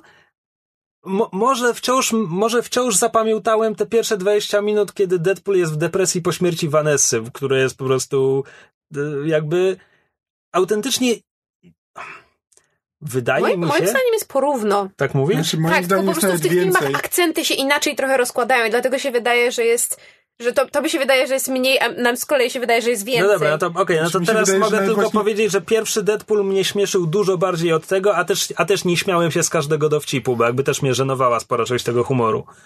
Znaczy mi się właśnie to kojarzyło z nagą bronią jakby pod tym względem, że jakby było dużo więcej jakby żartów yy, w tle, czy po prostu takich drobnych, drobnych wrzutek, które jakby rzeczy, które się działy tam na kilku poziomach, e, czego jakby w Deadpoolu w pierwszym, nie wiem, wcale tak dużo nie pamiętam. Um, znaczy ostatnio sobie przypomina, znaczy ostatnio właśnie oglądałem, jak w Londynie byłem chory i ten, to obejrzałem sobie pierwszego Deadpoola. E, I właśnie on wcale nie jest, wcale nie ma tam tak dużo tej komedii. Tam są naprawdę długie sceny, kiedy no prawie się nic nie dzieje, tylko od czasu do czasu Wade coś rzuca na Okej, okay, dobra, przerwę. no to inaczej, jakby powiedziałem wam, że w tym filmie Wade jest dla mnie kompletnie nieśmieszny, w tamtym był dla mnie trochę śmieszny. E, więc może to jest jakby ta różnica dla mnie. Znaczy, ja się zastanawiam, czy to może wynikać jednak z jakby właśnie tego trochę przeniesienia tego środka ciężkości z tego klauna na tego smutnego klauna. Ja przepraszam, że ja cały czas używam tego, e, chcę powiedzieć epitetu, e, tego porównania, natomiast jakby mam wrażenie z, z, materiałów promocyjnych i z wywiadów, które czytałam z Reynoldsem, który jakby przy drugim filmie miał o wiele większy e, wkład w scenariusz i między innymi dlatego się rozstano z reżyserem jedynki, ponieważ e, on chciał przeforsować swoją wizję bardzo wysokobudżetowego filmu superbohaterskiego, a Ryan Reynolds i e, scenarzyści mieli, mieli trochę inny na to pomysł, który, który tutaj zrealizowali. E, mam właśnie wrażenie, że był o wiele większy nacisk położony na ten aspekt tego, że że w przypadku Deadpoola te wszystkie żarty, e, łamanie czwartej ściany to jest jakby, to jest mechanizm obronny. E, I między innymi ja dlatego bardzo tak lubię Reynoldsa w tej roli, dlatego że on moim zdaniem jest tego typu aktorem i tego typu człowiekiem, który sam tego typu e, mechanizmów i tego typu sztuczek używa i dlatego moim zdaniem to jest dobry człowiek, znaczy właściwie człowiek we właściwej roli. Natomiast po prostu się zastanawiam, czy tego nie było za dużo, zarówno w tym sensie, że Deadpool przez, przez pierwsze 20 minut jest w depresji, a potem przez cały film mamy przebitki na to, jak on e, mniej lub bardziej udaje mu się umrzeć i próbuje się dostać do Vanessy.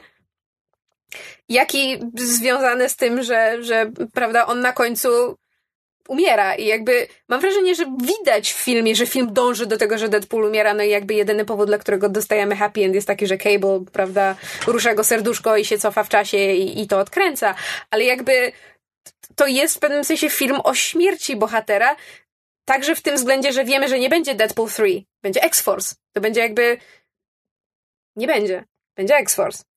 Znaczy wiem, że będzie X-Force, ale zdziwię się, jeśli nie będzie Deadpoola 3 no właśnie, X-Force. Właśnie podobno, znaczy Reynolds tak się wypowiadał, że nie zamierzają robić Deadpool 3, bo jakby... Tak, bo ja widziałem z kolei wypowiedź, że on chce, żeby Deadpool 3 był bardziej kameralnym filmem niż Deadpool 2. Jakby wypowiadając się... Potato, potato. No... E, znaczy i ja jeszcze do tej nagiej, nagiej broni, bo chciałem dokończyć myśl, tylko cały czas ten, do, do inne, inne aspekty tego mówię.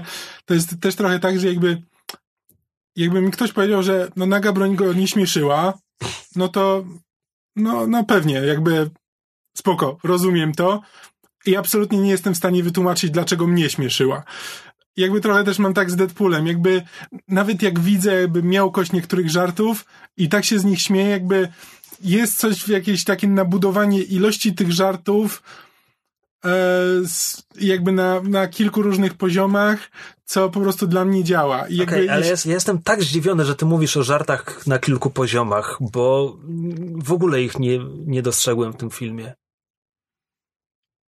Znaczy, nie wiem, tam jest po prostu dużo więcej takich po prostu nie wiem, nie, nie mam teraz przykładów, ale miałem, miałem takie wrażenie, że nawet dużo więcej takich wrzutek, nawet, nawet wiesz, to, że po prostu ktoś nagle rzuca rekrutem. Ja po prostu Okej, okay, ten mnie bawił. Tak, no ja po prostu widzę, widzę kadr komiksowy, na którym właśnie jest duży, duży dymek, w którym Deadpool właśnie mówi, że jestem X-Menem i tylko malutki dymek gdzieś w rogu, gdzie ktoś dorzuca rekrutem. Jakby, i, d, d, nie wiem czemu, wiesz, i tego typu, nie wiem, no to nie, to nie jest jedyna rzecz, która była w tym filmie, ale e, ale jest sporo takich po prostu drobnych rzeczy. E, ale jest też bardzo dużo po prostu wielkich, głupich dowcipów. Znaczy moment, e, moment kiedy Juggernauta pokonują, wsadzając mu e, kabel pod napięciem w tyłek, to jest takie, co, to jest, to jest żenujące, to jest wyjątkowo żenujące, a jednak, no ale, ale zupełnie mnie to nie ruszało. Jakby ten film jakby nastawił, jakby na tyle nastawił jakby dobrze i na tyle się śmiałem do tego momentu, że, że puściłem to zupełnym płazem. Jakby nie, e, nie sprawiło to, że, że zupełnie inaczej zacząłem to odbierać. Po prostu, no, no czasami, czasami są to głupie żarty i niektóre żarty nie działają, a i tak się z nich śmieję. I nie wiem czemu, nie potrafię tego wyjaśnić, bo nie potrafię wyjaśnić, czemu mnie, czemu mnie rzeczy śmieszą. No tak, par parafrazując wielkiego poety, no jak ma bawić, jak nie bawi. No to Kamil ma odwrotnie. Jak ma nie bawić, jak bawi, no.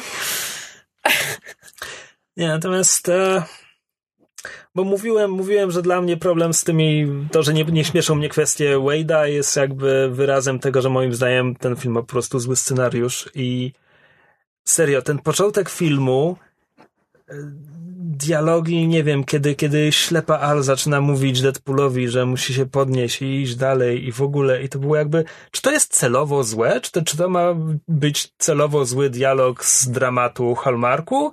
Bo jeśli tak, nie widzę dowcipu, a jeśli nie, to jest bardzo złe.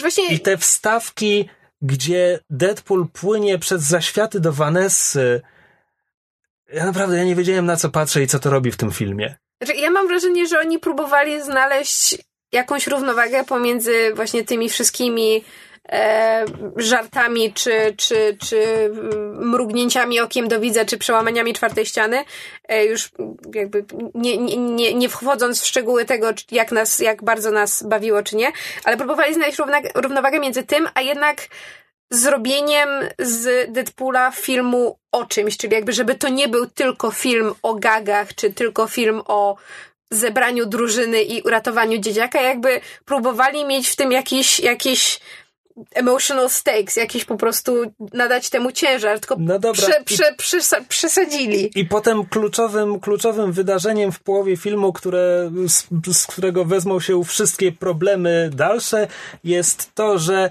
mały chłopiec słyszy, jak nasz sfrustrowany bohater mówi o nim coś brzydkiego, czego tak naprawdę wcale nie myśli. Jakby to jest taka straszna klisza. I znowu, czy oni to wrzucają, bo to jest taka straszna klisza, a my robimy taki samoświadomy film i specjalnie używamy bardzo złego rozwiązania fabularnego, czy oni zrobili to szczerze.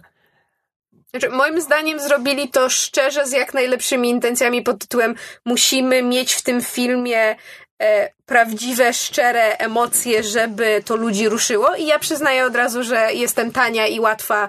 E, kochanie, nie, nie potakuj, e, ponieważ na koniec się wzruszyłam, ponieważ mysz. E, natomiast zgadzam się z tobą, też miałam takie momenty pod tytułem ej, ej, ale my wiemy, jak to się skończy. Ej, ale, ale myśmy już to widzieli. Jakby tak bardzo jak doceniam, co, co twórcy próbują i przy, czy próbowali przy Deadpoolu pierwszym zrobić, e, próbując inaczej pokazać origin story, nie pokazując origin story, a jednocześnie je Pokazali pokazując. origin story od początku do końca. Tak, no mówię, jak najlepsze intencje. Nimi jest droga do piekła I, ta, wybrukowana. I tak mamy szczęście, bo w, tam bodajże studio chciało, żeby to było chronologicznie, ten e, pierwszy Ta, a chronologia to im gówno dała. No nieważne, wracając do drugiego Deadpoola, e, a, a w drugim Deadpoolu mamy, mamy jakby te, te, obawy, żeby nie powtarzać, prawda, e, e, nie, nie być powtórką z jedynki, ale jednocześnie jest to cała presja sequela i, i, i mam wrażenie, że oni znowu mieli jak najlepsze intencje, żeby nie podążać pewnymi kliszami i nie, zauwa- nie zauważyli nawet jak wpadli w kolejne. Jakby, ja, ja, ja nie twierdzę, że to jest tak, że oni są wszyscy po prostu e, kompletnymi beztalenciami i, i i byli za głupi na to, żeby zauważyć, że wpadają w jakieś klisze, tylko mam wrażenie, że po prostu podjęli decyzję, że musimy mieć jakiś emocjonalny wątek w tym filmie i żeby uderzyć w te wszystkie bity, pewne rzeczy muszą się wydarzyć i te rzeczy są, są po prostu przewidywalne i Znaczy, no, kliszowe. Tego typu jakby, znaczy to czy, te, to, czy tam przemowa, ja nawet nie pamiętam tej przemowy, przemowy Blinda, ale nie pamiętam o czym mówisz w tym momencie, ale no jakby e, kwestia tego, że tam Wade mówi, e, mówi coś brzydkiego o tym chłopcu i ten chłopiec, znaczy ten film próbuje być strasznie 90sowy, znaczy próbuje iść jakby schematami takiego filmu właśnie o, o jakby o zebranej rodzinie, e, które jakby spokojnie, spokojnie jakby przełożyć na scenariusz, to jakby nie byłoby nic, to jakby widziałbyś taki film w, w latach 90. i widziałeś ich przynajmniej z 10. E, I jakby pewne, mm, e, znaczy pewne, pe, I to ma być jego zaleta. nie, to, to, to, to dla mnie nie jest ani zaleta, ani wada. To jest po prostu coś, co ten film Przyjęta robi. konwencja. Tak, to jest po prostu konwencja, którą on przyjął. Jakby ona, ona nie jest dla mnie żadną zaletą, ale też nie sprawia, to znaczy to nie było tak, że ja przewróciłem oczami, kiedy ten chłopak ten, tylko jakby mm, nie wiem, po prostu przyjąłem to na, na wiarę i jakby w ogóle fabuła w, znaczy fabuła w Deadpool to nie jest tak, że ona mi zupełnie, zupełnie leży i powiewa e, w, ale też nie przykładałem do niej, praktycznie- znaczy nie, nie przykładałem do niej żadnej wagi, znaczy nie, nie analizowałem jej w trakcie filmu. E, jakby na zasadzie, że o Jezu, to jest, to jest denne, to jest, no jakby zupełnie mi na tym nie zależało jakby w momencie oglądania filmu. No i nie wiem, no, gdyby film mnie bawił, może też bym tak No mógł. tak, Natomiast no, jakby dochodzi, dochodzimy problem. do tego, że mamy tak bardzo jakby kliszowy film, a potem mamy, zaczynają się napisy i są sceny między napisami i one, gdyby to był film, gdyby w, na koniec pierwszego aktu Deadpool zajumał Cable'owi jego urządzenie do skakania w czasie i potem mamy cały akt, gdzie jakby skaczemy po różnych liniach i coś z tego wyciągamy, to mógł, to mógł być bardzo fajny, zwariowany film, jakby w tych scenach między napisami było dla mnie więcej zabawnych pomysłów niż w filmie. Tak, tylko jakby zakładam Trudno też, że... byłoby to napisać, wiem, trzeba by się przyłożyć. Napisać nie, napi- błagam cię, napisać serię niezwiązanych z niczym skeczy jest No banalnie nie, właśnie o prosto. to mi chodzi, trzeba by się tydzień- przyłożyć, żeby to się wiązało w film. A właśnie, i, i mój argument dąży do tego, że podejrzewam, że y, całym, y, że tak powiem, y, szacunkiem dla studia, które jakby pewnie zaufało twórcom i powiedziało im tak, macie wolną rękę, ale come on, bez przesady. To znaczy jakby w momencie, kiedy masz film, sequel filmu, który odniósł y, bardzo duży kasowy sukces i musi, zakładam, że musi powtórzyć ten sukces przynajmniej, jeżeli nie go przeskoczyć, no to sorry, ale pod względem pewnych rzeczy związanych z y, konstrukcją filmu i tym, jak on się musi toczyć, jaką ma mieć mniej więcej spójną fabułę, żeby ludzie jednak mogli ją śledzić, że żeby to nie był zlepek randomowych sketchy jak Saturday Night Live, to pewną konwencję, pewien schemat musisz mieć i jakby No dobra, ale mamy od tego taki- nie uniknie. Znaczy, ale ale nie ja tylko mówię mówię o tym, że skoro już mamy taką falę na lata 80. i wczesne 90. i w ogóle i tak dalej, wolałbym ten film dużo bardziej, gdyby zżynał z powrotu do przyszłości, który jest uwielbianym filmem i jakby ludzie rozumieją, oglądając go. Nie gubią się. Tak, tylko tu znowu przechodzimy w, wiesz, w dyskusję pod tytułem, czy ludzie kochają powrót do przyszłości dlatego, że mają do niego sentyment z czasów, kiedy go oglądali i gdybyśmy go teraz puścili współczesnym nastolatkom, które mają zupełnie inną wiedzę na temat filmografii niż myśmy mieli, kiedy myśmy oglądali powrót do przyszłości, czy odebraliby go równie pozytywnie. Jakby... Zapomniałem początek pytania. Ja też się zastanawiam, czy to trochę nie... Znaczy... Nie wiem, czy to nie jest tak, że gdyby ten, ten film jakby stara się być tak absurdalny jakby w sferze humoru i jednocześnie był absurdalny w sferze jakby fabuły, to czy to by się po prostu kompletnie nie rozleciało? To czy nie byłbyś po prostu tak oderwany od tego, co się dzieje na ekranie, że jakby by cię to już zupełnie nie obchodziło, ani humor, ani to, co się znaczy, dzieje. Jakby e, konstrukcja świata ci się rozpada, no bo jeżeli Wayne, tfu, Wayne, panicz Wayne, e, jeżeli Wayne krad, ukradł Cable'owi te urządzenie do podróży w czasie w pierwszej, jednej trzeciej filmu i potem zaczął skakać po różnych, nie wiem, e, alternatywnych rzeczywistościach, wątkach, filmach, światach, książkach, chuj wie co, bo to popkultura jest duża i szeroka i naprawdę możliwości jest multum, to jakby to jaki w tym jest sens? To znaczy, jakby jak to właśnie połączyć w jedno, żeby to miało jakiś ten okay. emocjonalny ark czy cokolwiek i żeby przy okazji nie rozwalić sobie samemu konstrukcji świata, która musi się w jakimś stopniu utrzymać, bo potem będziesz miał kolejne Ale filmy. Ale ten film sam się nabija z tego, że nie ma konstrukcji świata i że profesor Xavier jest jednocześnie Stewartem i McAvoyem, jakby...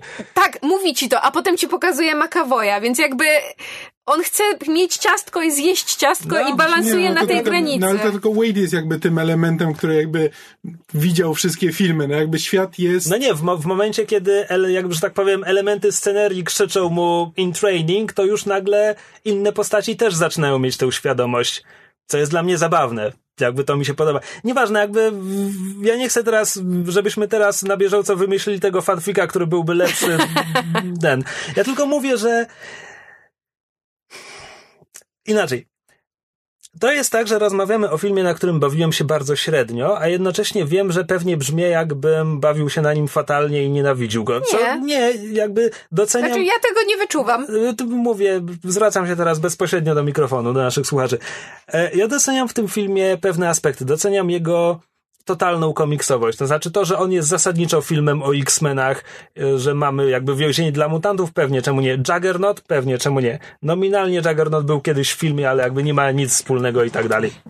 A jakby obroże, które pozbawiają mocy, pewnie jakby idziemy prosto w komiksy i tak dalej, X-Meni istnieją w tym świecie i tylko przypadkiem Deadpool też tu jest. Doceniam to w nim.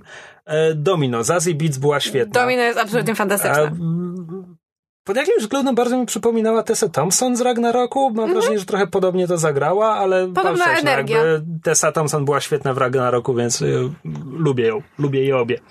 E, Brolin jako Cable, super. Fantastyczny. No, świetnie. Jakby... Ten to ma dobry rok, co? Uprościli maksymalnie Cable'a, ale niech im będzie. No może, może Wix-Force dodadzą mu chociaż parę smaczków. E, niech, niech jego matka będzie sklonowana od choćby. E, no co, same fakty, same fakty. Możemy się kłócić. A, więc jakby to były rzeczy, które mi się podobały. Relacja Deadpoola z Cablem, no ona jakby, że tak powiem, przestaje być antagonistyczna dopiero w ostatniej pół godzinie filmu, ale jest tam jakby fajna zajawka. Liczę, że z tego może coś być w następnym filmie, czy to będzie X-Force, czy, czy cokolwiek. E, jakby miałem już wrzutkę, miałem już wrzutkę na fanpage o tym, że Negasonic dostała dziewczynę i hura, rewolucja w reprezentacji w kinie superbohaterskim. It's utterly adorable. Prawda? Tak. E, więc jakby te rzeczy mi się podobały. No, cała reszta średnio lub mniej.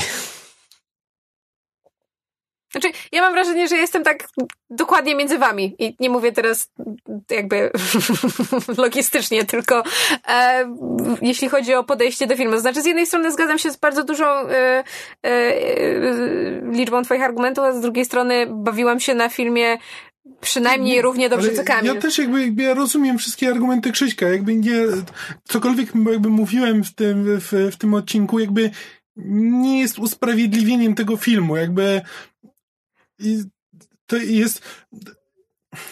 ja się też nie chcę, ja się też trochę jakby źle czuję mówiąc te wszystkie rzeczy, bo jakby czuję się, czuję się jak ten fan Transformersów, który mówi, że e, no ale po co tu ma być fabuła, przecież tak fajnie się naparzają. Jakby nie, nie chcę też budować takiego, te, takiego wrażenia, jakby te, też że nie o to chodzi, że jakby, że jakby to nie ma, to nie ma żadnego znaczenia, bo ja się bawiłem dobrze, ale no ja się bawiłem dobrze i, muszę ten film obejrzeć po raz drugi, Pójdziemy. żeby móc go na zimno, Pójdziemy. żeby móc na zimno zobaczyć właściwie, że czy wciąż mnie będzie bawił, czy na przykład wiedząc już czego się spodziewam, że może to już nie będzie takie, e, jakby mając troszkę inny, e, inne nastawienie do tego. Znaczy ja chętnie pójdę drugi raz, bo myśmy na pierwszym Deadpoolu, pamiętam, byli dwa tak. razy i to w stosunkowo e, krótkim czasie, odstępie, od, tak. tak, krótkim odstępie od, od siebie. Więc byłabym ciekawa, jak się zmienia e, odbiór drugiego Deadpoola. E, natomiast jeszcze wracając na moment do humoru, bo mi się przypomniała rzecz, bo tak próbowałam w głowie przejść przez ten tak e, katalog karteczek pod tytułem jakie aspekty filmu zawsze omawiamy i o których warto by wspomnieć i przypomniałam sobie o muzyce. I właśnie chciałam nawiązać do tego, że jednymi z moich ulubionych żartów w filmie były wykorzystanie muzyki i pewnych konkretnych utworów w konkretnych scenach. Żadnego teraz nie przywołam, bo moja pamięć jest bardzo dobra, ale bardzo, bardzo krótka. Ale to, to, jest, to jest film, który dokonuje takich trochę nieoczywistych tych wyborów muzycznych jak na kino superbohaterskie, to znaczy jakby Deadpool coś mówi o dubstepie i zaczyna lecieć dubstep. E, natomiast zdziwiłem się, że kiedy heroiczni X-Meni heroicznie przylatują heroicznym Blackbirdem, nie wykorzystali motywu muzycznego z X-Menów, tego tam darararam i tak dalej, bo to byłoby idealne miejsce. A z drugiej strony tutaj e, kompozytor to był e, Taylor Bates, czy nie pamiętam. W każdym razie zmierzam do tego, że on jakby napisał też oryginalną muzykę do filmu. Dał im heroiczny motyw muzyczny, który ja bym chętnie w sumie usłyszał w filmach X-Menskich, bo był całkiem spoko. Znaczy, e, z muzyką jest właśnie jeden moment, który mnie jakby zaży znaczy, rozbawił mnie oglądając film, a potem zażenował na koniec, bo e, w walce z, w walce z Juggernotem są te takie e, gregoriańskie chóry, które a, po prostu jakby... Tak, coś tam holy fuck, it's Juggernaut. Tak, jakby ja na początku po prostu słyszałem tylko chóry, a w którymś momencie się... Zaraz, czy oni śpiewają holy fuck, it's Juggernaut, holy shit balls? Jakby, Okej, okay, dobra, to jest śmieszne, jakby, bo to było po prostu zupełnie w tle przykryte jakby scenami walki, e, jakby z e, odgłosami walki i tak dalej, więc ja tylko w trakcie nie, się... Ja tego nie usłyszałem w trakcie fi e, filmu. Dopiero na koniec napisów to zaczyna lecieć jeszcze no, raz i wtedy tak, usłyszałem właśnie, tylko, że, to ma słowa Tylko, że na koniec jakby słyszałem słowa i po prostu miałem, o, South Park się włączył.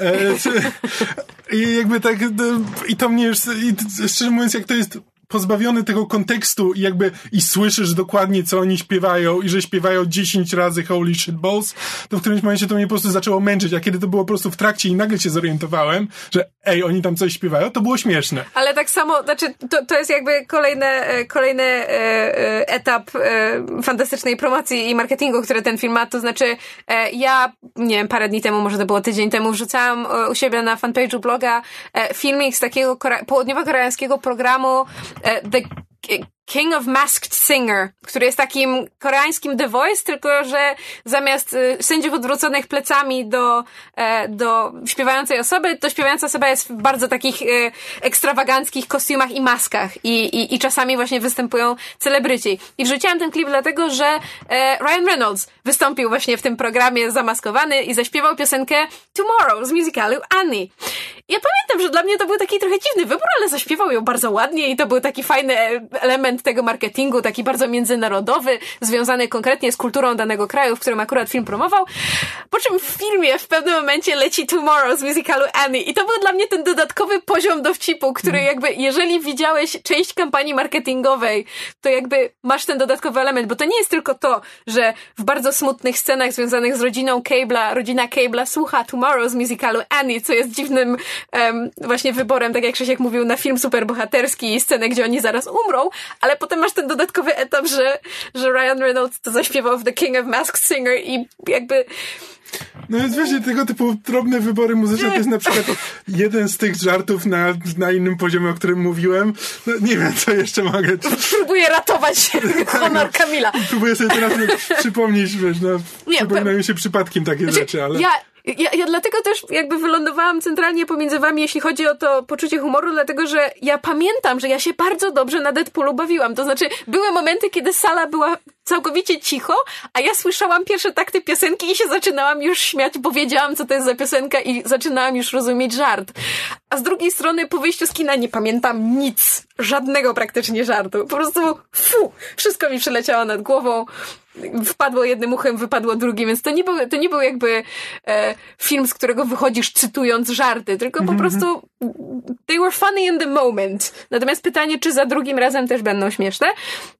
Natomiast jeszcze w kontekście żartów chciałabym wspomnieć jednym słowem, ponieważ e, też nam się zdarza często ten aspekt filmów omawiać, to znaczy tłumaczenie. Co w wypadku takiego filmu jak Deadpool, gdzie jest właśnie dużo żartów, często też słownych, jest istotne. I moim zdaniem tłumaczenie było bardzo dobre. To znaczy, nie, nie zauważyłam, że tak powiem, czegoś, co bym, co bym przetłumaczyła inaczej, jakiegoś wykopertnięcia się. E, poziom wulgaryzmów był odpodnie, odpowiednio podkręcony, jeśli chodzi o to, co akurat padało z ekranu po angielsku. Niektóre rzeczy były, że tak powiem, nie chcę powiedzieć przefajnowane po polsku, bo przefajnowane sugeruje, że były zanadto, ale w każdym razie jakby No. poziom napisów był bardzo mm, dobrze wyrównany w stosunku do tego, co się działo na ekranie. I tutaj muszę wymienić e, imiennie, ponieważ e, honor mi nakazuje, mianowicie odpowiadali za to, e, chyba dobrze zapisałam, Piotr Kacpra, Kacprzak i Michał Wojnarowski. Co jest o tyle dla mnie ciekawe, że Michał Wojnarowski to jest nazwisko, które, że tak powiem, nieraz mi się obiło o uszy i być może wam też, tylko o tym nie wiecie, ponieważ to jest tłumacz, który od wielu lat odpowiada za tłumaczenia filmów animowanych Disneya. Wszystkie Frozen, Wajany, Moany i tak dalej, Coco i, i, i Pixary. E, I jest też odpowiedzialny bardzo często za tłumaczenia musicali w e, teatrze Roma. Roma w Warszawie i w ogóle e, zdarza mu się też inne muzykale tłumaczyć. E, I, I w sumie byłam zaskoczona, że, że zobaczyłam jego nazwisko, bo to jakby nie jest, to jest zupełnie nie ten rodzaj e, kontentu, że tak powiem, e, e, z którym bym go e, utożsamiała. E, Natomiast napisy są, są, są bardzo dobre i mam wrażenie, że był tylko jeden błąd, ale to musimy drugi raz pójść na film, bo tam w pewnym momencie coś jest mowa o, Wade i, i Vanessa siedzą na kanapie i rozmawiają coś o jego ojcu. I on coś tam mówi, że mój ojciec coś tam. I w polskich napisach było zastany ojciec. Ja jestem święcie przekonana, że powinno być zasrany, tylko jest literówka. Może Wade go na czymś zastał. No właśnie, Kamil mówi, że to, że, że to zdanie było takie dziwne, że tam, że, że może to ja zastany po prostu- miało sens, tylko że Nie, ja... że ja po prostu nie jestem pewien, czy w oryginale nie, e, jakby przekleństwo nie było przekręcone. Tak, żeby jakby jest, że Wade jakby nie powiedział shit, tylko powiedział coś, co brzmi jak shit, ale jest zmienione trochę, więc Być po prostu może. tłumacz to trochę zmienił, tylko że po prostu wygląda jak literówka. Tylko, tylko Więc, e, ponieważ ze względu na tutaj nasz e, Ale wspólny nie dzielony. to. Nie, po prostu ze względu na nasz wspólny e, e, tutaj, prawda, e, zawód, który wszyscy uprawiamy, to jakby, ponieważ mój wzrok się na tym zawiesił Mhm. i to mnie wybiło z jakby z doświadczenia, znaczy jakby z, z, z oglądania Nie, filmu, jasne. a napisy nie powinny tego robić. Zastanawiam się, czy to był słuszny wybór, czy to właśnie e, było specjalnie, czy to była literówka, czy, bo zdziwilibyście, jak często się literówki i, i błędy zdarzają w napisach kinowych. Bo powody. No ale tak. E, czy jeszcze mamy coś do dodania o Deadpoolu? Reklamówka z Davidem Beckhamem była bardzo śmieszna. A tak. Mhm. Znaczy w ogóle, jeśli chodzi o, o, Tak, o marketing marketing Właśnie marketing do pierwszego Deadpoola był super, natomiast kampania promocyjna do drugiego Deadpoola, słowo daje, miałem wrażenie, że marketingowcy się obudzili dwa tygodnie przed premierą. Jakby filmik z Celine Dion, filmik z Davidem Beckhamem, to wszystko się pojawiło bardzo krótko przed premierą, a ta wcześniejsza Dobra. była nijaka. Znaczy, nie nazwałabym nijaką, natomiast było tego mm, No, mniej. to się bardzo nasiliło dopiero w ostatniej chwili. Tak, i, i, i- i do tego stopnia, że ja na przykład dzisiaj widziałam ktoś, ko- kogoś, kto na Twitterze wrzucał zdjęcie z, z jakiegoś sklepu z, że tak powiem, multimediami, czyli, czyli tam typu CD, DVD i tak dalej filmy. I na wystawach, na wystawkach tam, gdzie normalnie stoją te tam najlepiej sprzedające się tytuły, wszystkie okładki miały customowe okładki z Deadpoolem, parodiujące filmy, których okładkami są, czyli tam na przykład, nie wiem, e, Szybcy i Wściekli, Terminator, Terminator, tak. i tak dalej. I jakby ten film już miał premierę, a ta kampania nadal trwa, więc oni, mam wrażenie, zrobili jakieś zupełne przesunięcie. Nie, ten film ma premierę w momencie, kiedy my to nagrywamy. Dzisiaj jest premiera. Jakby i w Polsce, i, I w w Polsce Ameryce. i w Stanach? Ja Tak. myślałam, że miała Nie, wcześniej. nie, w Stanach też dopiero dzisiaj. Okej. Ale rzeczywiście, mam wrażenie, że ta kumulacja w ostatnich tygodniach była, była o wiele większa niż przy pierwszym Deadpoolu. No nic. W każdym razie, um, mimo że nie osiągnęliśmy żadnego um, konsensusu tutaj um, na nagraniu, myślę, że e, i tak e, pójdziecie do kina, większość z was. Jak, jak was znam. Myszu, jak tak ci się spodobał Deadpool jakby w relacjach z zespołem i w ogóle, to Uncanny X-Force Ricka Remendera, o którym mówiłem godzinę temu, on tam jest. Też jest bardzo dobry. Dobrze, to może zerknę. Ja też mam wrażenie, że z tym marketingiem to może być tak, że przy pierwszym Deadpoolu to jakby ten marketing miał służyć temu, żeby w ogóle ludzie... No, ludzie nie mieli pojęcia, co to Deadpool. Tak, czy, czym jest Deadpool. Jakby teraz to chodzi tylko o to, że idźcie do kina na Deadpoola, e, więc jakby nie ma sensu tego robić miesiąc wcześniej, bo i tak ludzie zapomną, więc zróbmy to wszystko na dwa tygodnie przed. Hmm, ma to sens. No. W każdym razie e, my z Kamilem zachęcamy do pójścia do kina. Krzysiek ma swoje wątpliwości, ale jak, jeżeli nas słuchacie, to podejrzewam, że interesujecie się kinem, zwłaszcza superbohaterskim na tyle, że i tak pewnie wylądujecie w kinie, a jeżeli tak się stanie, to bardzo chętnie usłyszymy, jak wam się film podobał, co, co wymyślicie i możecie do nas pisać w komentarzach pod odcinkami na YouTubie, na podsłuchane.pl, gdzie można słuchać Myszmasza. Możecie napisać w komentarzach na naszej stronie pod odcinkami myszmasz.pl. Możecie nam pisać na Facebooku, na naszym fanpage'u Myszmasz Podcast Popkulturalny. E, tam bardzo często się udzielamy. E, możecie też do nas wysyłać maile na myszmaszpodcast.gmail.com Możecie też nam słać bardzo miłe rzeczy, które nam czasami wpadają w Twitter feed na Twitterze, gdzie mamy handle at Myszmasz Podcast. Tak. Chyba jeszcze gdzieś mamy konto na Asku, jeżeli komuś się tak, ale ja zadać pytanie. hasło, także. Ja ci powiem, jakie jest hasło. Hasło jest niezmienne. E, I to chyba tyle. Możesz podać słuchaczy, myślę, że przejęłaś nasze konto. może lepiej nie. Mam wrażenie, że to hasło obowiązuje też w paru innych miejscach, więc może niekoniecznie. Niech Ryan Reynolds je przejmie. Tak. E, I również zachęcamy do e, polubienia i śledzenia fanpage'a sieci podsłuchane.pl, gdzie wszelkiego rodzaju e, podcasty, które tworzymy lub współtworzymy się ukazują. I to tyle od nas. Dziękujemy Wam bardzo za uwagę i do usłyszenia już za tydzień. Czemu kończę wszystkie pytania znakiem zapytania? Nie mam zielonego pojęcia, tak już mówię. I'm becoming Australian for some reason. No. I zanim Kamil mi tak okrutnie przerwał, naśmiewając się z tego, jak ja mówię, bo tak się robi w małżeństwie najwyraźniej. Rozwód. E... Rozwód? e... Do usłyszenia w przyszłym tygodniu, gdzie będziemy omawiać solo. Co to było? Cicho bądź.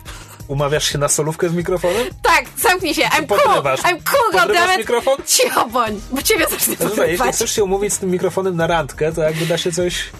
My, my możemy sobie stąd pójść. Słuchajcie, to ja już sobie pójdę, bo chłopaki się ze mnie śmieją. Do usłyszenia w przyszłym tygodniu. Hej! Cześć! Na razie.